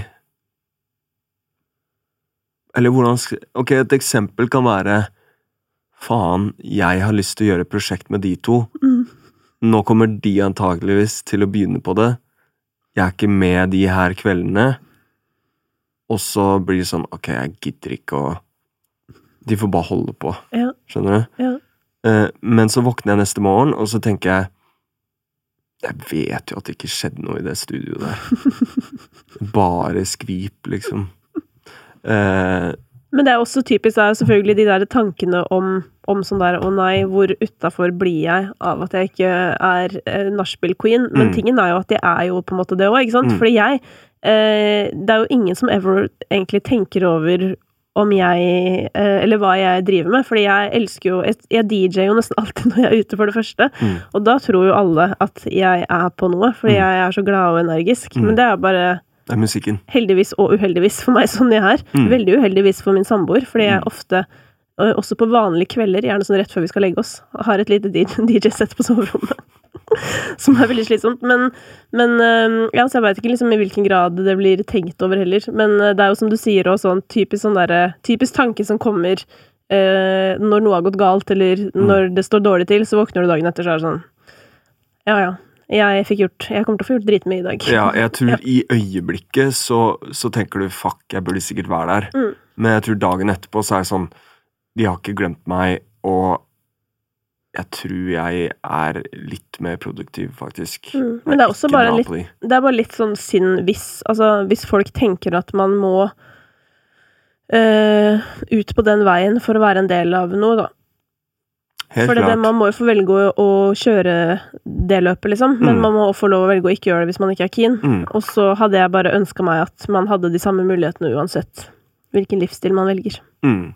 Eh, ja, jeg vet ikke. Det jeg, I hvert fall for min del det, det, Jeg føler ikke det er så mange nachspiel lenger. Det er jo korona også, så klart. nå er det ikke det. Nei, men etter jeg ble liksom 28-29, og mange av vennene mine er to-tre år eldre òg, ikke sant, så Mm. det er liksom Man har ikke det samme suget lenger, da, og du vet at den festen, den Den fortsetter ikke evig, og du må slutte å jage den der dragen og bare Litt til av klokka fire. Vi gir oss klokka seks, da. Det er sånn Jeg orker ikke, liksom. Nei, du må hjem og game, du. Jeg må hjem og game og sove. Jeg begynte å prøve å legge meg før to uansett helg, uke, hva som helst. Ja, du begynte er, klokka to, ja. Ja, men det er ikke, det er ikke tidlig. Ja, men lørdager så føler jeg mange av vennene mine som kanskje har litt eh, syv til tre, åtte til fire jobber, de er sånn oppe til fire-fem i helgen. Drar den helt ut, og så tilbake igjen til vanlig. Men jeg kan ikke liksom Jeg må ha et visst system, da. Mm. Fordi jeg, jeg sover så dårlig fra før av. Og de der nachspillene, da, de knekker døgnrytmen min, og da er det bare umulig. Ja. Så ja, to høres sent ut, men hvis jeg klarer å holde det før to hele, liksom, hele uka, Mm. Så er jeg ganske good. Ja, når står du opp, da? Jeg står opp 10-11. Ja. Jeg prøver, eh, prøver å, som jeg nevnte i det P3 lille intervjuet, å gjøre alt litt senere. Jeg, jeg er et veldig B-menneske, og jeg får mye av kvalitetssøvnen min på morgenen. Mm. Eh, Jeg har alltid våkna mye gjennom eh, natta, nesten hele livet. Så når folk sier sånn Ja, men du kan legge deg tidlig, og så kan du stå opp ni, og så er jeg sånn Men det er ikke helt sånn det funker. Fordi jeg kan legge meg halv tolv, men jeg blir fortsatt ligge ned til to-halv tre. Og da våkner jeg tre-fire ganger. Så når klokka er åtte, da jeg skulle ha fått seks-syv gode timer, Mm. så har jeg fortsatt ikke hatt det. Så ja, sidetrack. De, de timene på morgenen er veldig viktig for meg, iallfall. Mm. To til åtte er jo Ja. Det er jo en søvn, det òg. Mm. Ja. Absolutt. Du, um, vi skal um, hoppe over til altså, noen spørsmål fra folk, fordi tida den går jo. Flyr. Men um, Og apropos flys, si. Hvite duer. Sort magi. Mm. Klippes det her, egentlig? Uh, ja, kanskje bitte litt. For hvor lang er eh, episoden? Kanskje ikke. Den er jo så lang, den her, da. Ja. Jeg er jo Altså, nå har jo jeg jobba i uh, NRK i en årrekke. Jeg gjør det for så vidt fortsatt. Ja. Så, men, uh, men men du jobba veldig innafor sånt format. Mm. Og hele tanken bak å starte dette her For jeg hadde også bestemt meg for jeg skal ikke starte podkast. Fordi Nei. du vet, jeg er veldig opptatt av å være mot strømmen. Mm. Uh, og lage podkast er jo det mest vanlige man kan gjøre. Hypt. Så jeg skulle liksom egentlig Det var sånn, det skal jeg i hvert fall ikke gjøre. Men så savnet jeg så utrolig å snakke med artister, og jeg har aldri fått muligheten til å bare snakke. Nei. Og bare uten at det må slutte om tre minutter. ja, og bestemme selv hva du spør om, og Ja, Det gjorde du kanskje litt ja, i da, NRK, det da, har jeg alltid bestemt, men på en måte det derre Men det måtte alltid liksom slutte, fordi det var radio, eller du vet sånn Og akkurat når man er liksom i gang med noe noe. fint, Mm. så er det sånn Ja, ha det! mm, Eh, Så her er det ingen regler. Nei. Men folk eh, har sendt meg en del DMs, eh, for eh, de er nysgjerrige. For jeg tenkte i går bare Har hun hatt noen spørsmålsrunde, tenkte jeg. Ja. Jeg hadde spørsmålsrunde i går. Ja. Eh, så, mm, så da skal vi begynne på den. Eh, og vi skal begynne med noe jeg vet at du driver veldig mye med, nemlig gaming. Mhm. Eh, her må jeg beklage på forhånd for at jeg er en dårlig samtalepartner. For jeg kan ingenting om gaming. Men jeg begynte å se på Gamerne i går, Ja, faktisk. er det bra?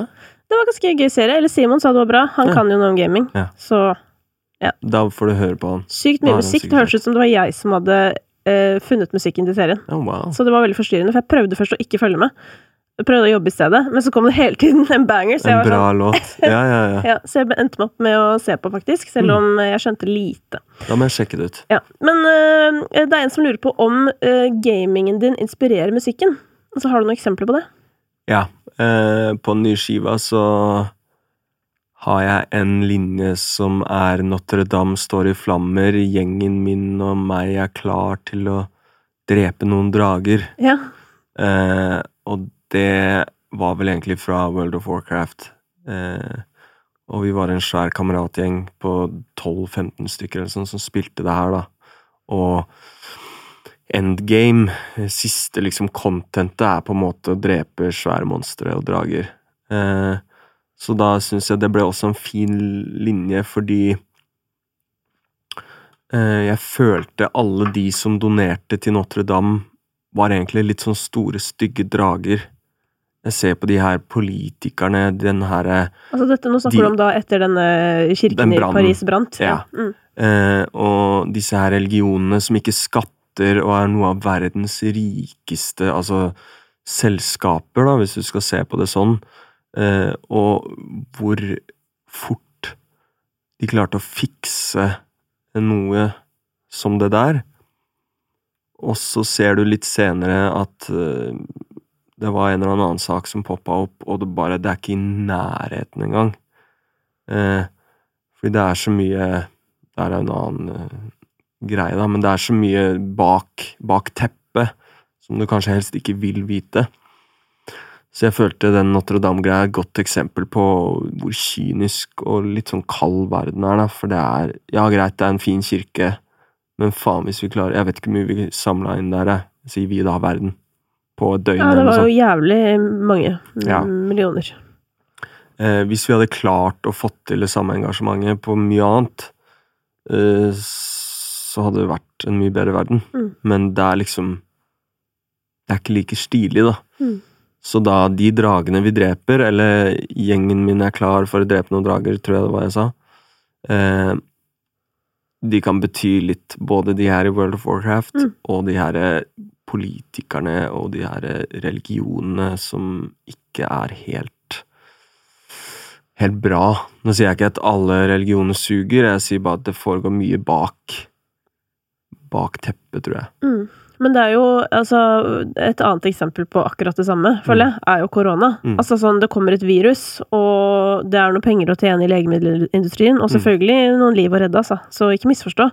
Men da er det sånn krisa oppstår, og det er sånn det blir fiksa på rekordtid. Mm. Vaksiner på plass, sendes ut eh, til hele Vesten, i hvert fall, og forhåpentligvis også resten av verden eh, veldig asap. Mm. Men klima Mm. det er sånn Altså sånn, Hvis man hadde hatt den samme handlekraften Mm. på å redde jordkloden som på å redde oss fra korona, så hadde, ja, mm. Så hadde jo problemene etter hvert blitt løst. Mm. Men de problemene de er på en måte for fjerne. Altså, det er ikke her og nå. Det er på samme måte. jeg tror svaret ligger vel i at det var veldig mange hvite folk som fikk korona. Ja, eller i hvert fall Det eh, er ikke veldig mange hvite folk som lider av sult eller klimaendringer Nei, altså sult, for eksempel, og, ja, og på en måte de verste klimaendringene, de slipper vi på en måte å se. Ja. Men tingen er at sånn som det med klima, hvis forskningen stemmer, og det må man jo tro på hvis man er et vitenskapelig fundert menneske, mm. eh, så er det på en måte relativt rett rundt hjørnet Ja, det henger jo sammen. Det, kommer til å gå til helvete. Og da skjønner jeg ikke hvordan kan man være et ansvarlig menneske? Mm. Altså sånn, og da med det så mener jeg ansvarlige ledere. å ikke gjøre noe. Jeg Nei. skjønner det ikke, liksom. Og så er det sånn Ja, men vi gjør masse. Vi gir penger til det, vi gir penger til det Mm. og Ja, men dere selger fortsatt rødt kjøtt i butikken. Mm. Eh, vi durer rundt i bilene våre. Eller du vet sånn Det er jo obviously ikke nok. Nei, nei, nei. Og man, man behandler det som en sånn Enda en dugnad, da, der vi skal prøve litt. Ja. Og jeg mener jo at ehm, faktisk En av grunnene til at jeg ikke er sikker på om jeg vil ha barn også, er jo fordi jeg er litt redd for hvordan det ser ut her om ti år, da. Mm. 15 år. Eh, og jeg tror også Ok, la oss ta en hvit, litt skaperasistisk skaprasistisk nordmann. Han tror ikke på klimaendringer. Ingen skal få be han om å slutte å spise kjøtt. Og flyktninger kan holde seg til helvete unna Norge. Alt det her henger sammen, ikke sant? Mener vi, og det mener jeg også vi har god info på. Mm. Så han skjønner ikke at han bidrar på eh, at klimaet blir verre og verre. Det vil også bidra til at folk må flykte, det blir oversvømmelser, det blir tørke, det blir mindre mat. De flykter jo lenger og lenger opp. Ja, ja, og, Og klimaflyktninger kommer det til å bare bli mer og mer Ja, av. ja, ja. Som faktisk egentlig har hatt det kanskje ok i sine land. Og da er liksom løsningen Kan vi ikke sende penger ned dit, da? Fikse hvordan det er. Ok, én ting er at folk flykter av andre grunner. Når det begynner å bli Altså, det går ikke an å bo der, uavhengig av en krig eller ikke. Det er Mm. opp mot 50-60 varmegrader, liksom. At du da skal sitte på den der høye hesten din i en eller annen by utenfor Bodø og sitte og mene alt det her, da blir jeg bare sånn ah, Ja, den generasjonen må bare dø ut, altså. Jo, men det er ikke noe håp. De fins i alle generasjoner, da. Jo, men det er veldig mange færre i vår generasjon. Men jeg syns det er så rart. Ja, men det var sånn eh, Vi hadde altså Erna Solberg, apropos, var på besøk eh, Satt i den stolen jeg sitter i nå, for litt Mm. siden, for hun var på besøk hos Ida Fladen med hjertet i hånden. Mm. Men hun sa sånn der at det som på en måte bekymrer henne mest, er konspirasjonsteorier. Og så tenkte jeg litt sånn først bare ah, lame svar. og det var på en måte litt lame svar. Men eh, sånn sett i retrospekt så er det jo på en måte et viktig svar. Fordi det er jo nettopp ved at de konspirasjonsteoriene eh, blir spredd, da. Mm. Eller rett og slett feilinformasjon, da. Mm. Så nå vil jo noen sikkert bare sånn der, det er du som kommer med feilinformasjon. Mm. Men eh, gjennom at vi ikke kan felles tro på vitenskap, så kommer vi ikke videre. Han eh, doktor Wasim, tror jeg var det, hadde en fin post på det der. Altså Wasim Sahid. Ja. Ja. eh, jeg vet ikke om du så det igjen på Twitter. eh, om den fasiten i enden av eh, matteboka. Siste side. Mm. Det er at nå begynner vi å havne så langt vekk fra en hvilken som helst fasit, fordi alle sitter på en informasjon de liker. Mm. Som passer til deres teori, da. Jepp. Mm. Og googler du hva som helst, så klarer du å finne teorier som støtter det du tror på. Og det er jævlig skummelt da, når man til syvende og sist ikke kan bli enige om noe som helst, og bare sånn Det er jo litt det jeg følte også når jeg gjorde de her Green Rider-greiene, så er det sånn Skal lille jeg Jeg har ikke noe valg, jeg må gjøre det. Eh, Jeg må bruke stemmen min til noe bra. Men så sitter det jo andre folk som har flere milliarder på kontoen, og rett og slett enten ikke vil høre det, eller ikke bryr seg. Og ja, hva faen skal man si, da, til noen som ikke er villig til å høre engang? Det, det nytter jo ikke. Mm. Men dette er også bare for å oppklare det. Den derre Green Rider-tingen var jo da et eh, samarbeid som du gjorde med Fortum, Mm. men som handler om at du på en måte forplikter deg til å tenke bærekraftig Ja, jeg, jeg prøver å opprette eh, typ en mal for reisende artister som eh, All Things Live skal prøve å overføre til alle sine artister også. Og der er det jo egentlig alt vi kan korte ned på, uten at det føles ut som du gjør så veldig mange forskjeller, da. Eh, så jeg er jo litt prøvekanin på det her. Nå har vi jo ikke noe turneer foreløpig å prøve det ut på. Men mm, drømmen er jo at det skal funke så bra og være så lettvint at eh, man kan rett og slett bare foreslå det for andre artister og si 'hør her, det kommer egentlig ikke til å bli så mye forskjell', Mm. men du endrer kanskje, eller du minimerer utslippene med kanskje 40 da, ved å Mm. gjøre de her tingene. Um, og hvis jeg får det tilbudet, så kan ikke jeg si nei til å prøve ut det her, liksom. Um, Så ja, jeg, det igjen jeg blitt litt eldre og forstått at jeg må bruke stemmen min til noe, og jeg, jeg var litt imot det i starten selv, fordi det har vært så jævlig mye prat i det siste om Ja, det er nesten hver dag enten en ny kjendis eller en artist kommer ut og bare ja, vi satser grønt og bla, bla, og en del av meg er sånn folk er lei av å høre om det, men det er jo så mye prat om det fordi det er et problem vi har. Mm. Og jeg kan ikke gå mot strømmen der, liksom, eller jeg vil ikke være en artist som nevner det fordi alle andre nevner det. Mm. Du vil jo være på riktig side av historien. Ja. Ja. Og ja, jeg, jeg tror ikke det er noe problem å bli mye grønnere. Eh, Det kommer fortsatt til å være ting du kan arrestere meg på. Eh, Jeg kommer ikke til å være perfekt eksempelet på eh, en utslippsfri person. Eh, Hvis du graver, så er det garantert ting du kan ta meg på, liksom. Men jeg må i hvert fall gjøre det jeg kan, da. Mm. Eh, Og prøve å inspirere andre til det, og det er der jeg følte den Green Rideren var noe litt annet òg, for der hadde vi faktisk noe Det er ikke bare sånn jeg kommer ikke til å fly lenger, og that's it. Vi skal prøve å faktisk få med veldig mange andre artister Mm. som jeg tror ikke kommer til å bry seg hvis du gir de noen litt grønnere alternativer, da. Mm. Det er bra.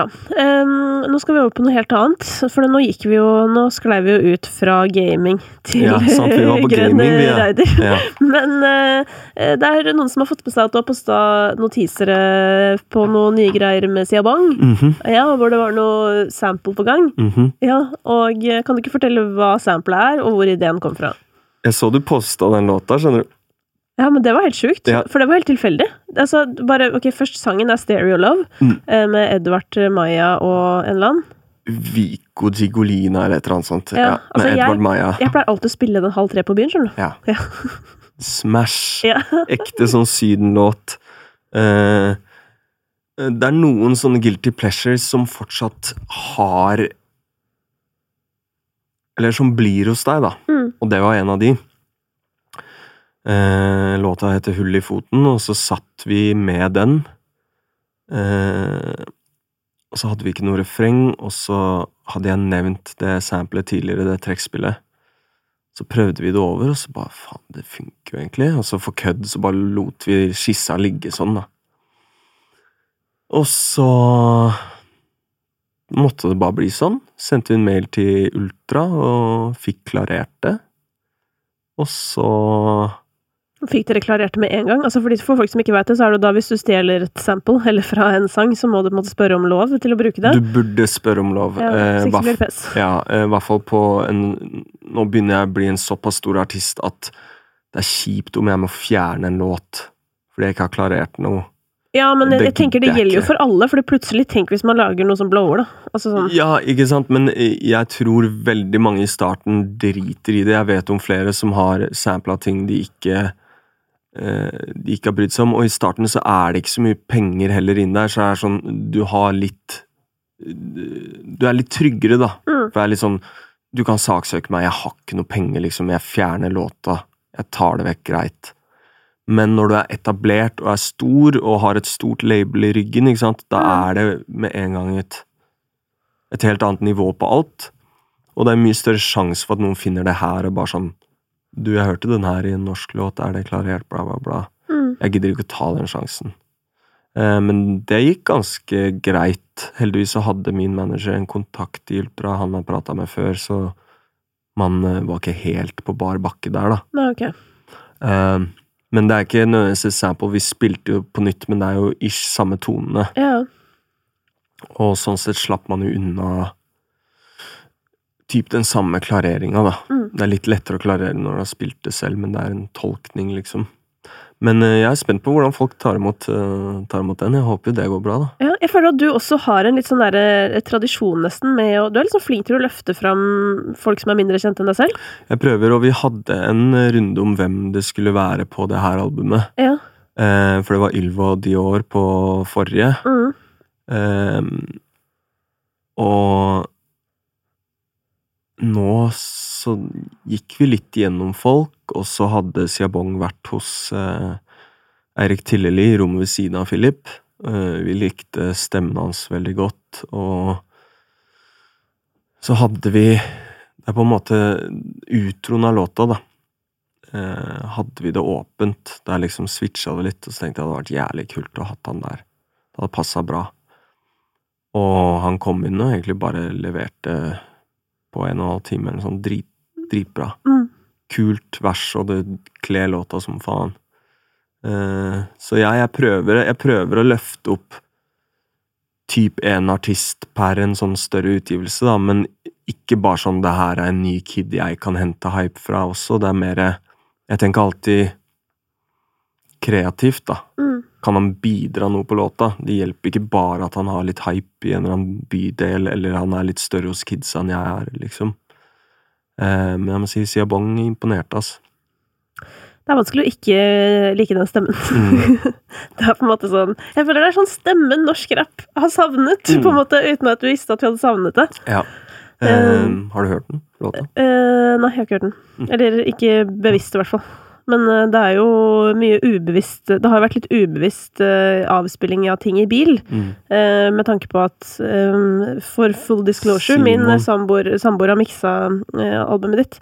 Men jeg føler at det er veldig sånn ulovlig, og jeg har jeg jobber jo på en måte på min side av bransjen, og når han, han kan noen ganger være så engasjert i sitt eget arbeid at han kan være sånn herre Å, vil du høre denne? Og da, pleier, da sier jeg alltid nei. Mm. Da må jeg først spørre om det er greit at jeg får høre den. Eller skjønner du? Litt sånn der, Jeg er litt nøye på det. Jo, men jeg har Det der er en av tingene jeg nesten er mest kresen på. Det er at ingen har hørt noe før jeg vet det. Mm. Men uh, um, Ja, men det er litt det. Jeg føler at det er liksom litt sånn derre at det er ikke Når musikk ikke er ute, så er det på en måte artisten som nesten må bestemme hvem man vil at skal høre det. det er det samme som La oss si jeg malte et bilde, og så har kompisen min tatt bilde av det, dere sendt det rundt til folk, og så er det ikke ferdig. Ja, sånn, ja. Da hadde jeg blitt litt sånn mm, Du kan godt ha bilde av det selv. Ja.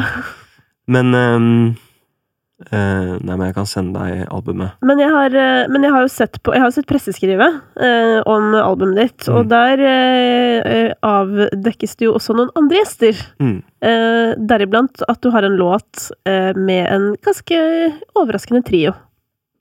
Ja. Eh, og det er da Lashiveli, Mm. eh, Marcus og Martinus. -hmm. Det har jeg lyst til å høre mer om. Hvordan kom det til? Ehm, det var en låt jeg og Aksel begynte på for lenge siden, som heter Miserabel. Eh, og Marcus Martinus og er en ting jeg har tenkt på lenge. Eh, men jeg har alltid vært sånn, det må passe. Jeg har alltid vært inspirert av Kanye, og når han har de her svære liksom samlingene av folk, og de gjør eh, sine roller veldig bra, og han på en måte setter sammen en sånn rar, men jævlig kul kombo. Monster, Ja. For eksempel. Mm. Ja. Eh, masse på Beautiful Dark Twisted. Som, Men hvorfor har du alltid hatt lyst til å ha Marcus og Martinus på en låt? Fordi jeg Jeg føler jeg så en side av de som de kanskje ikke fikk vist så mye i den musikken de har gjort før. Og jeg vet jo at de er gode til å synge. Eh, men jeg ville bare høre de på noe litt mørkt, og noe litt eh, Litt dypere, da. Eh, og så kom vi på den låta her, og det hadde et refreng som var sånn faen, kanskje de bare skal synge det refrenget. Så da fikk vi med de i studio, det var vel to dager vi var der, tror jeg, i, i sommer i fjor. Og la masse, og det ble dritkult, og de De hjalp liksom nerven i låta som faen, da. Eh, og jeg er alltid fan av at du ikke skal kunne ha muligheten til å spå hvordan noe blir, selv om du leser tittelen og features, da. Eh, hvis du ser La oss si Future og Rihanna eller Future og Drake eh, komme med en ny låt, men du har ikke hørt låta, så får du kanskje et visst bilde i hodet ditt, og noen ganger så pleier det å stemme. Eh, men jeg tror noe av min styrke også er at man egentlig ikke har peiling. Man aner ikke hvordan det her høres ut, da. Mm. Det har jo vært veldig gøy med låtene du har sluppet før albumet også, syns jeg. Ja. At det på en måte starta på dansegulvet, eh, og så kom Atlanteren, som på en måte var en litt annen vibe, men som også hadde deler som for meg var litt unge Ferrari, på en måte. Eller i hvert fall attituden til den Eller den litt sånn Du, du, var, du var litt rapper Mm. også, på en Mm. måte. Eh, Og så kommer balladen med Molly, som også jeg liksom kjenner igjen fra Mm. deg, men som var et helt annet uttrykk igjen enn de to foregående. Og så Mm. kom Fri, som egentlig var sånn Hæ? Men hva skjer nå? Mm. Eller du vet sånn Så det har jo vært, eh, for meg i hvert fall, et veldig sånn variert utvalg eh, av det som ble sluppet før albumet, da. Og det er jo det det jeg elsker og Jeg, jeg hadde aldri i verden klart å lage et album som som har én sound. Mm. Jeg kan godt gå i, i studio bare sånn vi skal lage en EP som er inspirert av Titanic-filmen. La oss si det. Eller det skal være Det skal være saksofon på alle låtene. Greit. Mm. Men jeg Jeg må bare dyrke den her usikkerheten som jeg mener er bra, da, rundt hva faen er det som kommer nå? Mm. Hvordan høres det ut? Jeg må sjekke det ut. Ja, for det, det kommer folk til å sjekke ut. Lars Ja. Og Marcus Martinus og deg. Jeg tror det, og noe av det som, det som er litt baksiden her, er jo at eh, mye av musikken min må, må heve litt og modne litt hos folk. Den må, den må ligge og Ligge og godgjøre seg litt, tror jeg, i hodene til folk, da, før de på en måte faller for den. Det er veldig ofte jeg hører Ja, jeg hørte på den et par ganger, skjønte den ikke helt, men Mm. tredje-fjerde gangen, da digga jeg den. Men var det ikke litt sånn med forrige album òg? Det tok jo litt tid før det begynte å komme i gang, og så bare plutselig klikka det med balkong, og så bare plutselig Altså, den Vi kan ikke være venner, Mm. den òg var jo en ekstremt sånn slow grower, føler jeg. Jeg mener vi spilte den på P3. Mm. Eh, Ingen musikkvideo på den, ingen nei, det var nesten push. noe Nei, så det var jo mer en sang folk oppdaget selv. Mm. Eh, og jeg Hvis du skal blåse det, det lille bildet der stort, da, så vil det si at jeg Tre første månedene kanskje går det stille, og så tar det seg opp etter hvert, men da varer låtene mye lenger òg, fordi faller du for en låt ved første lytt, Mm. så har jeg også den erfaringen av at du mister det mye fortere. Du er lei etter en uke, og så hører du nesten ikke på låta igjen. Hotline Bling, da. Jeg digga den når den kom. Mm. Jeg hører jo ikke på den. Nei. Eh, også på en annen side så eh, er det en eh, weekend-låt jeg kanskje måtte høre et par ganger, som jeg fortsatt hører på, som er fra rundt samme tiden. Mm. Men den, den vokste på meg, da. Så du finner ut ting. Eh, du Jeg vet ikke hvordan jeg skal forklare det, men Ja, det, jeg, jeg tror og, og nesten vet at mye av suksessen min er nettopp på grunn av det her, da. Mm. Men tror du at du har en ulempe nå, siden du ikke får turnert albumet? Med Ja. det første? Ja, ulempen også er jo den herre klubbscenen, Shazam, vorspiel, nachspiel eh, Jeg prata med noen på Sony, de sa man streamer nesten like mye som før, men en del av meg tror ikke helt på det. Eh, tror du? Nei, altså, jeg hadde en eller annen prat med Hva var det vi snakket om? Jo, jeg snakket med Jeg har drevet og gjort sånn eh, noen prater på Clubhouse med produsenter. Mm. Eh, og så hadde jeg en med Thomas Kongshavn her om søndagen. Og han eh, sa det at han følte at liksom at det at live på en måte har blitt tatt fra folk, da, Mm. at det har påvirket streaming negativt. Han sa sånn for eksempel Cezinando-skiva, mente han at hadde gått mye bedre hvis han hadde fått turnert den. Mm. Og det tror jeg også, altså virkelig. For at du vet den derre De låtene som det tar lengre tid å, å feste seg ved, de er det jo da først noen som fester seg ved, og så forteller de det til vennene sine, som forteller det til vennene sine. Så kommer konserten, så går de på konserten sammen og forteller det videre til vennene sine. Ser det på Og så, stories. ja, og på en måte den derre word of mouth-tingen, det derre eh, å være musikkinfluenser, hvis du skjønner. Mm. Altså, alle musikkinfluenserne der ute Mm. eh, er jo ikke der lenger, på en måte, fordi at man har ikke den samme anledningen til å dyrke interessen sin, da. Nei. Så jeg tror absolutt det påvirker. Det er litt, eh, litt det samme med filmer nå, føler jeg, at det går rett på Netflix, og en bra kinovisning er jo det mange filmer fortjener.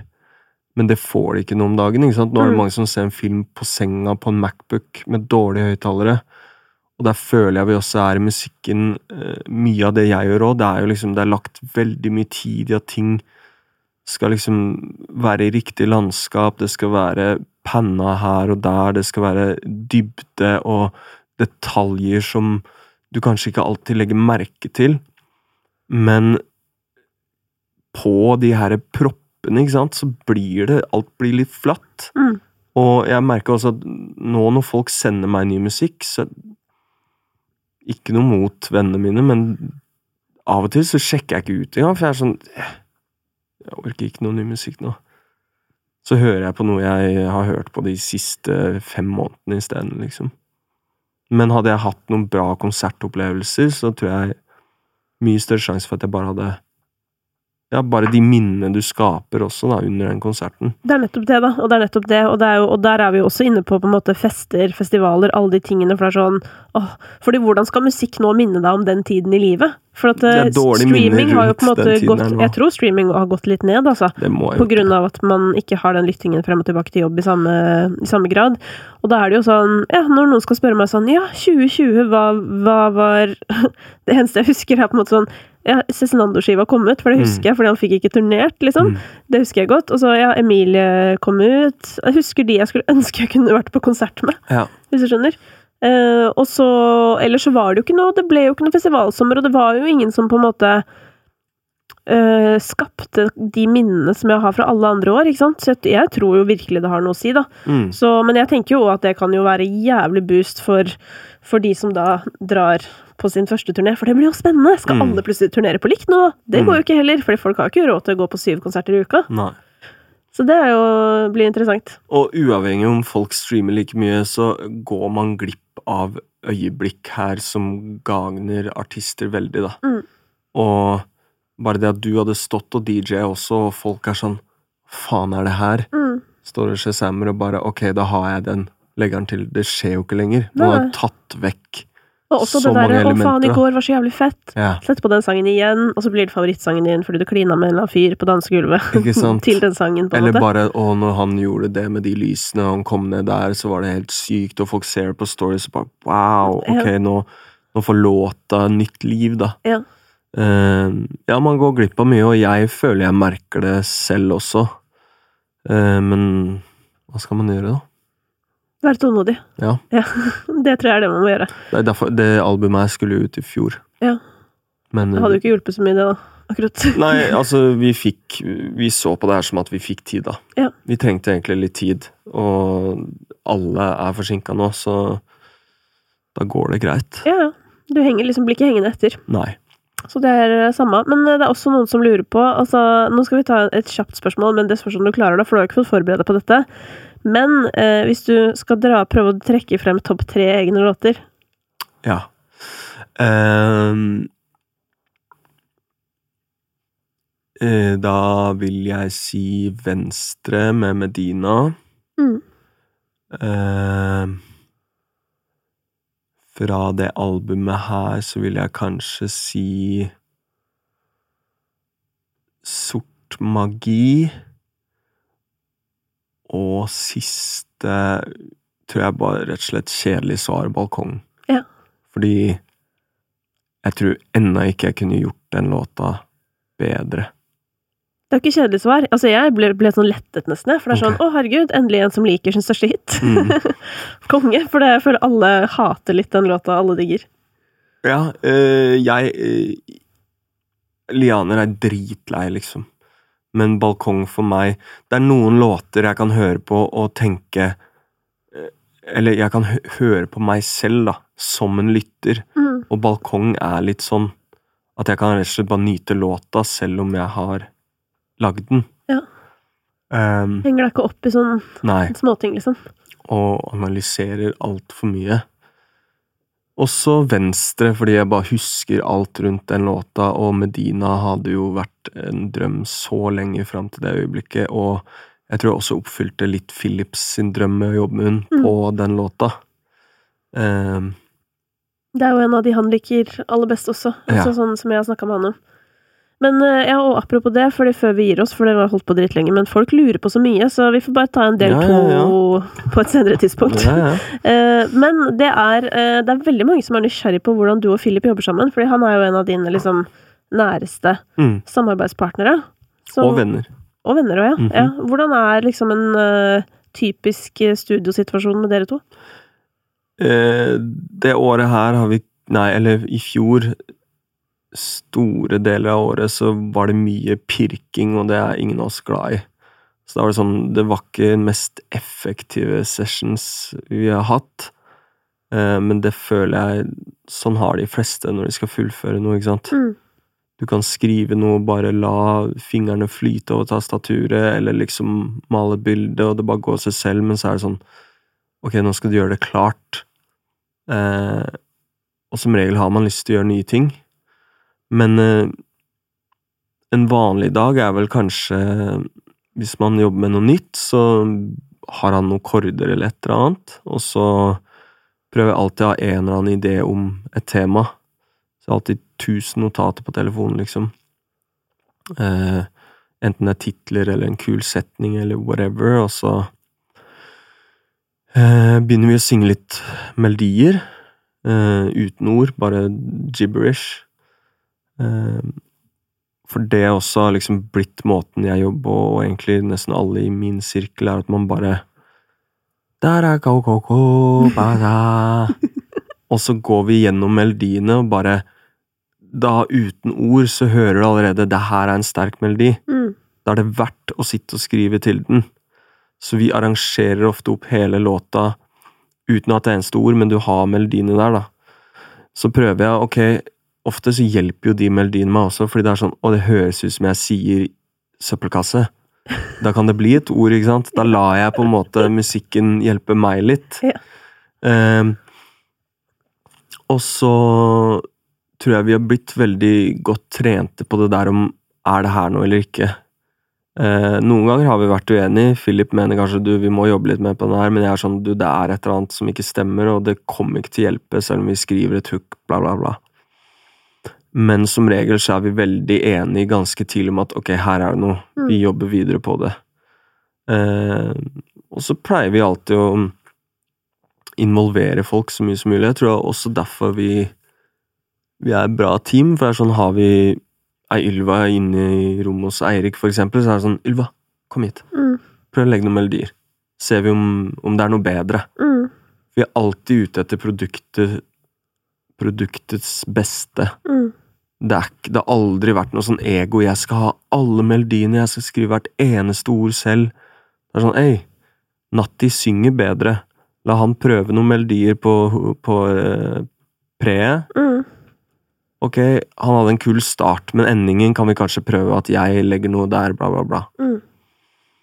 Og det føler jeg også mange artister ennå er litt sånn Nei, jeg skal gjøre alt selv, eller jeg vil ikke Ja. Mm. Du hadde blitt overraska over hvor mange store artister i USA som er fire, fem, seks, syv låtskrivere i et rom. Ok, da kan du si ja, men den låta er ikke noe bra engang. Nei, men du tenker ofte bedre da når det er flere. Mm. Og igjen det der med ego. Jeg skal ikke Jeg vil bare at låta skal bli så bra som mulig. Mm. Så hvis du går inn på det her albumet når det kommer, show credits Det kommer til å være stappa med folk, liksom. Ja. Det er åtte-ni stykker på en låt, men der også føler jeg folk misforstår. For på en låt kan det stå 'written by Philip, meg og en til'. Mm. Det er sånn «Øh, Han skriver jo ikke selv, det er Philip Kolseth som skriver. Mm. Men Philip kan ha lagt noe stryk. Ja, ja, altså det, det jo, det handler jo der. også og like så mye om- om din raushet, da, Ja. på å kreditere folk som har bidratt. Ja. Og noen ganger så føler jeg at det er sånn derre At noen ganger kan noen bare ha kommet inn i et rom og gjort at alle som var sure, ble glade. ja, det løsna, ikke sant? og så får man på en måte en credit for Eller han sier ja, jeg prata med bestefaren min i går, og han sa det her. Så, ah, damn. Ja. så jeg har jo flere ganger jeg også har gitt eh, låtskriver- eller produksjonsprosenter til folk som rett og slett bare Du kan ikke komme med en fast ting på akkurat hva de har gjort, Mm. men de var der når det skjedde noe, og man kan kanskje argumentere for at mye av grunnen til at det løsna litt der, var fordi vi hadde denne her praten, da. Mm. Og da er ikke jeg han fyren som bare sånn Du, kan jeg betale deg litt, og så driter vi i å ha deg på credits, eller for jeg vil ikke at det skal være så mange navn. Mm. Fuck det. Jeg tenker jeg må bruke alle de rundt meg, og mye av de låtene her, mange av de låtene hadde ikke skjedd hvis vi ikke hadde hatt den her arbeidsetikken og bare Alle prøv. Se, er det noe bra her? Mm. Nei, det var ikke noe bedre. Drit i det der. Vi går tilbake til det vi hadde. Men eh, resultatet av alt det du snakker om nå, er jo tilgjengelig for folk. Ja. Eh, Når jeg har trykket på 'publiser' på denne episoden. Mm. Så eh, da er det jo bare for folk å sjekke det ut. Mm. Eh, og så, som jeg sa, vi må ta en part two, for jeg føler sånn Jeg er ikke gjennom halve eh, greia mi engang, jeg. men men Par to og tre. ja, par to og tre kommer. Det kan dere glede dere til. I mellomtiden, sjekk ut, eh, sjekk ut eh, Stig Brenner sitt nye album 'Hvite duer, sort magi'. Jeg gleder meg helt sjukt. Herlig, jeg også. Fy fader, det blir spennende. Det blir det. Eh, takk for eh, to timer av livet ditt. Takk selv. Jeg koser meg. Ja, jeg òg.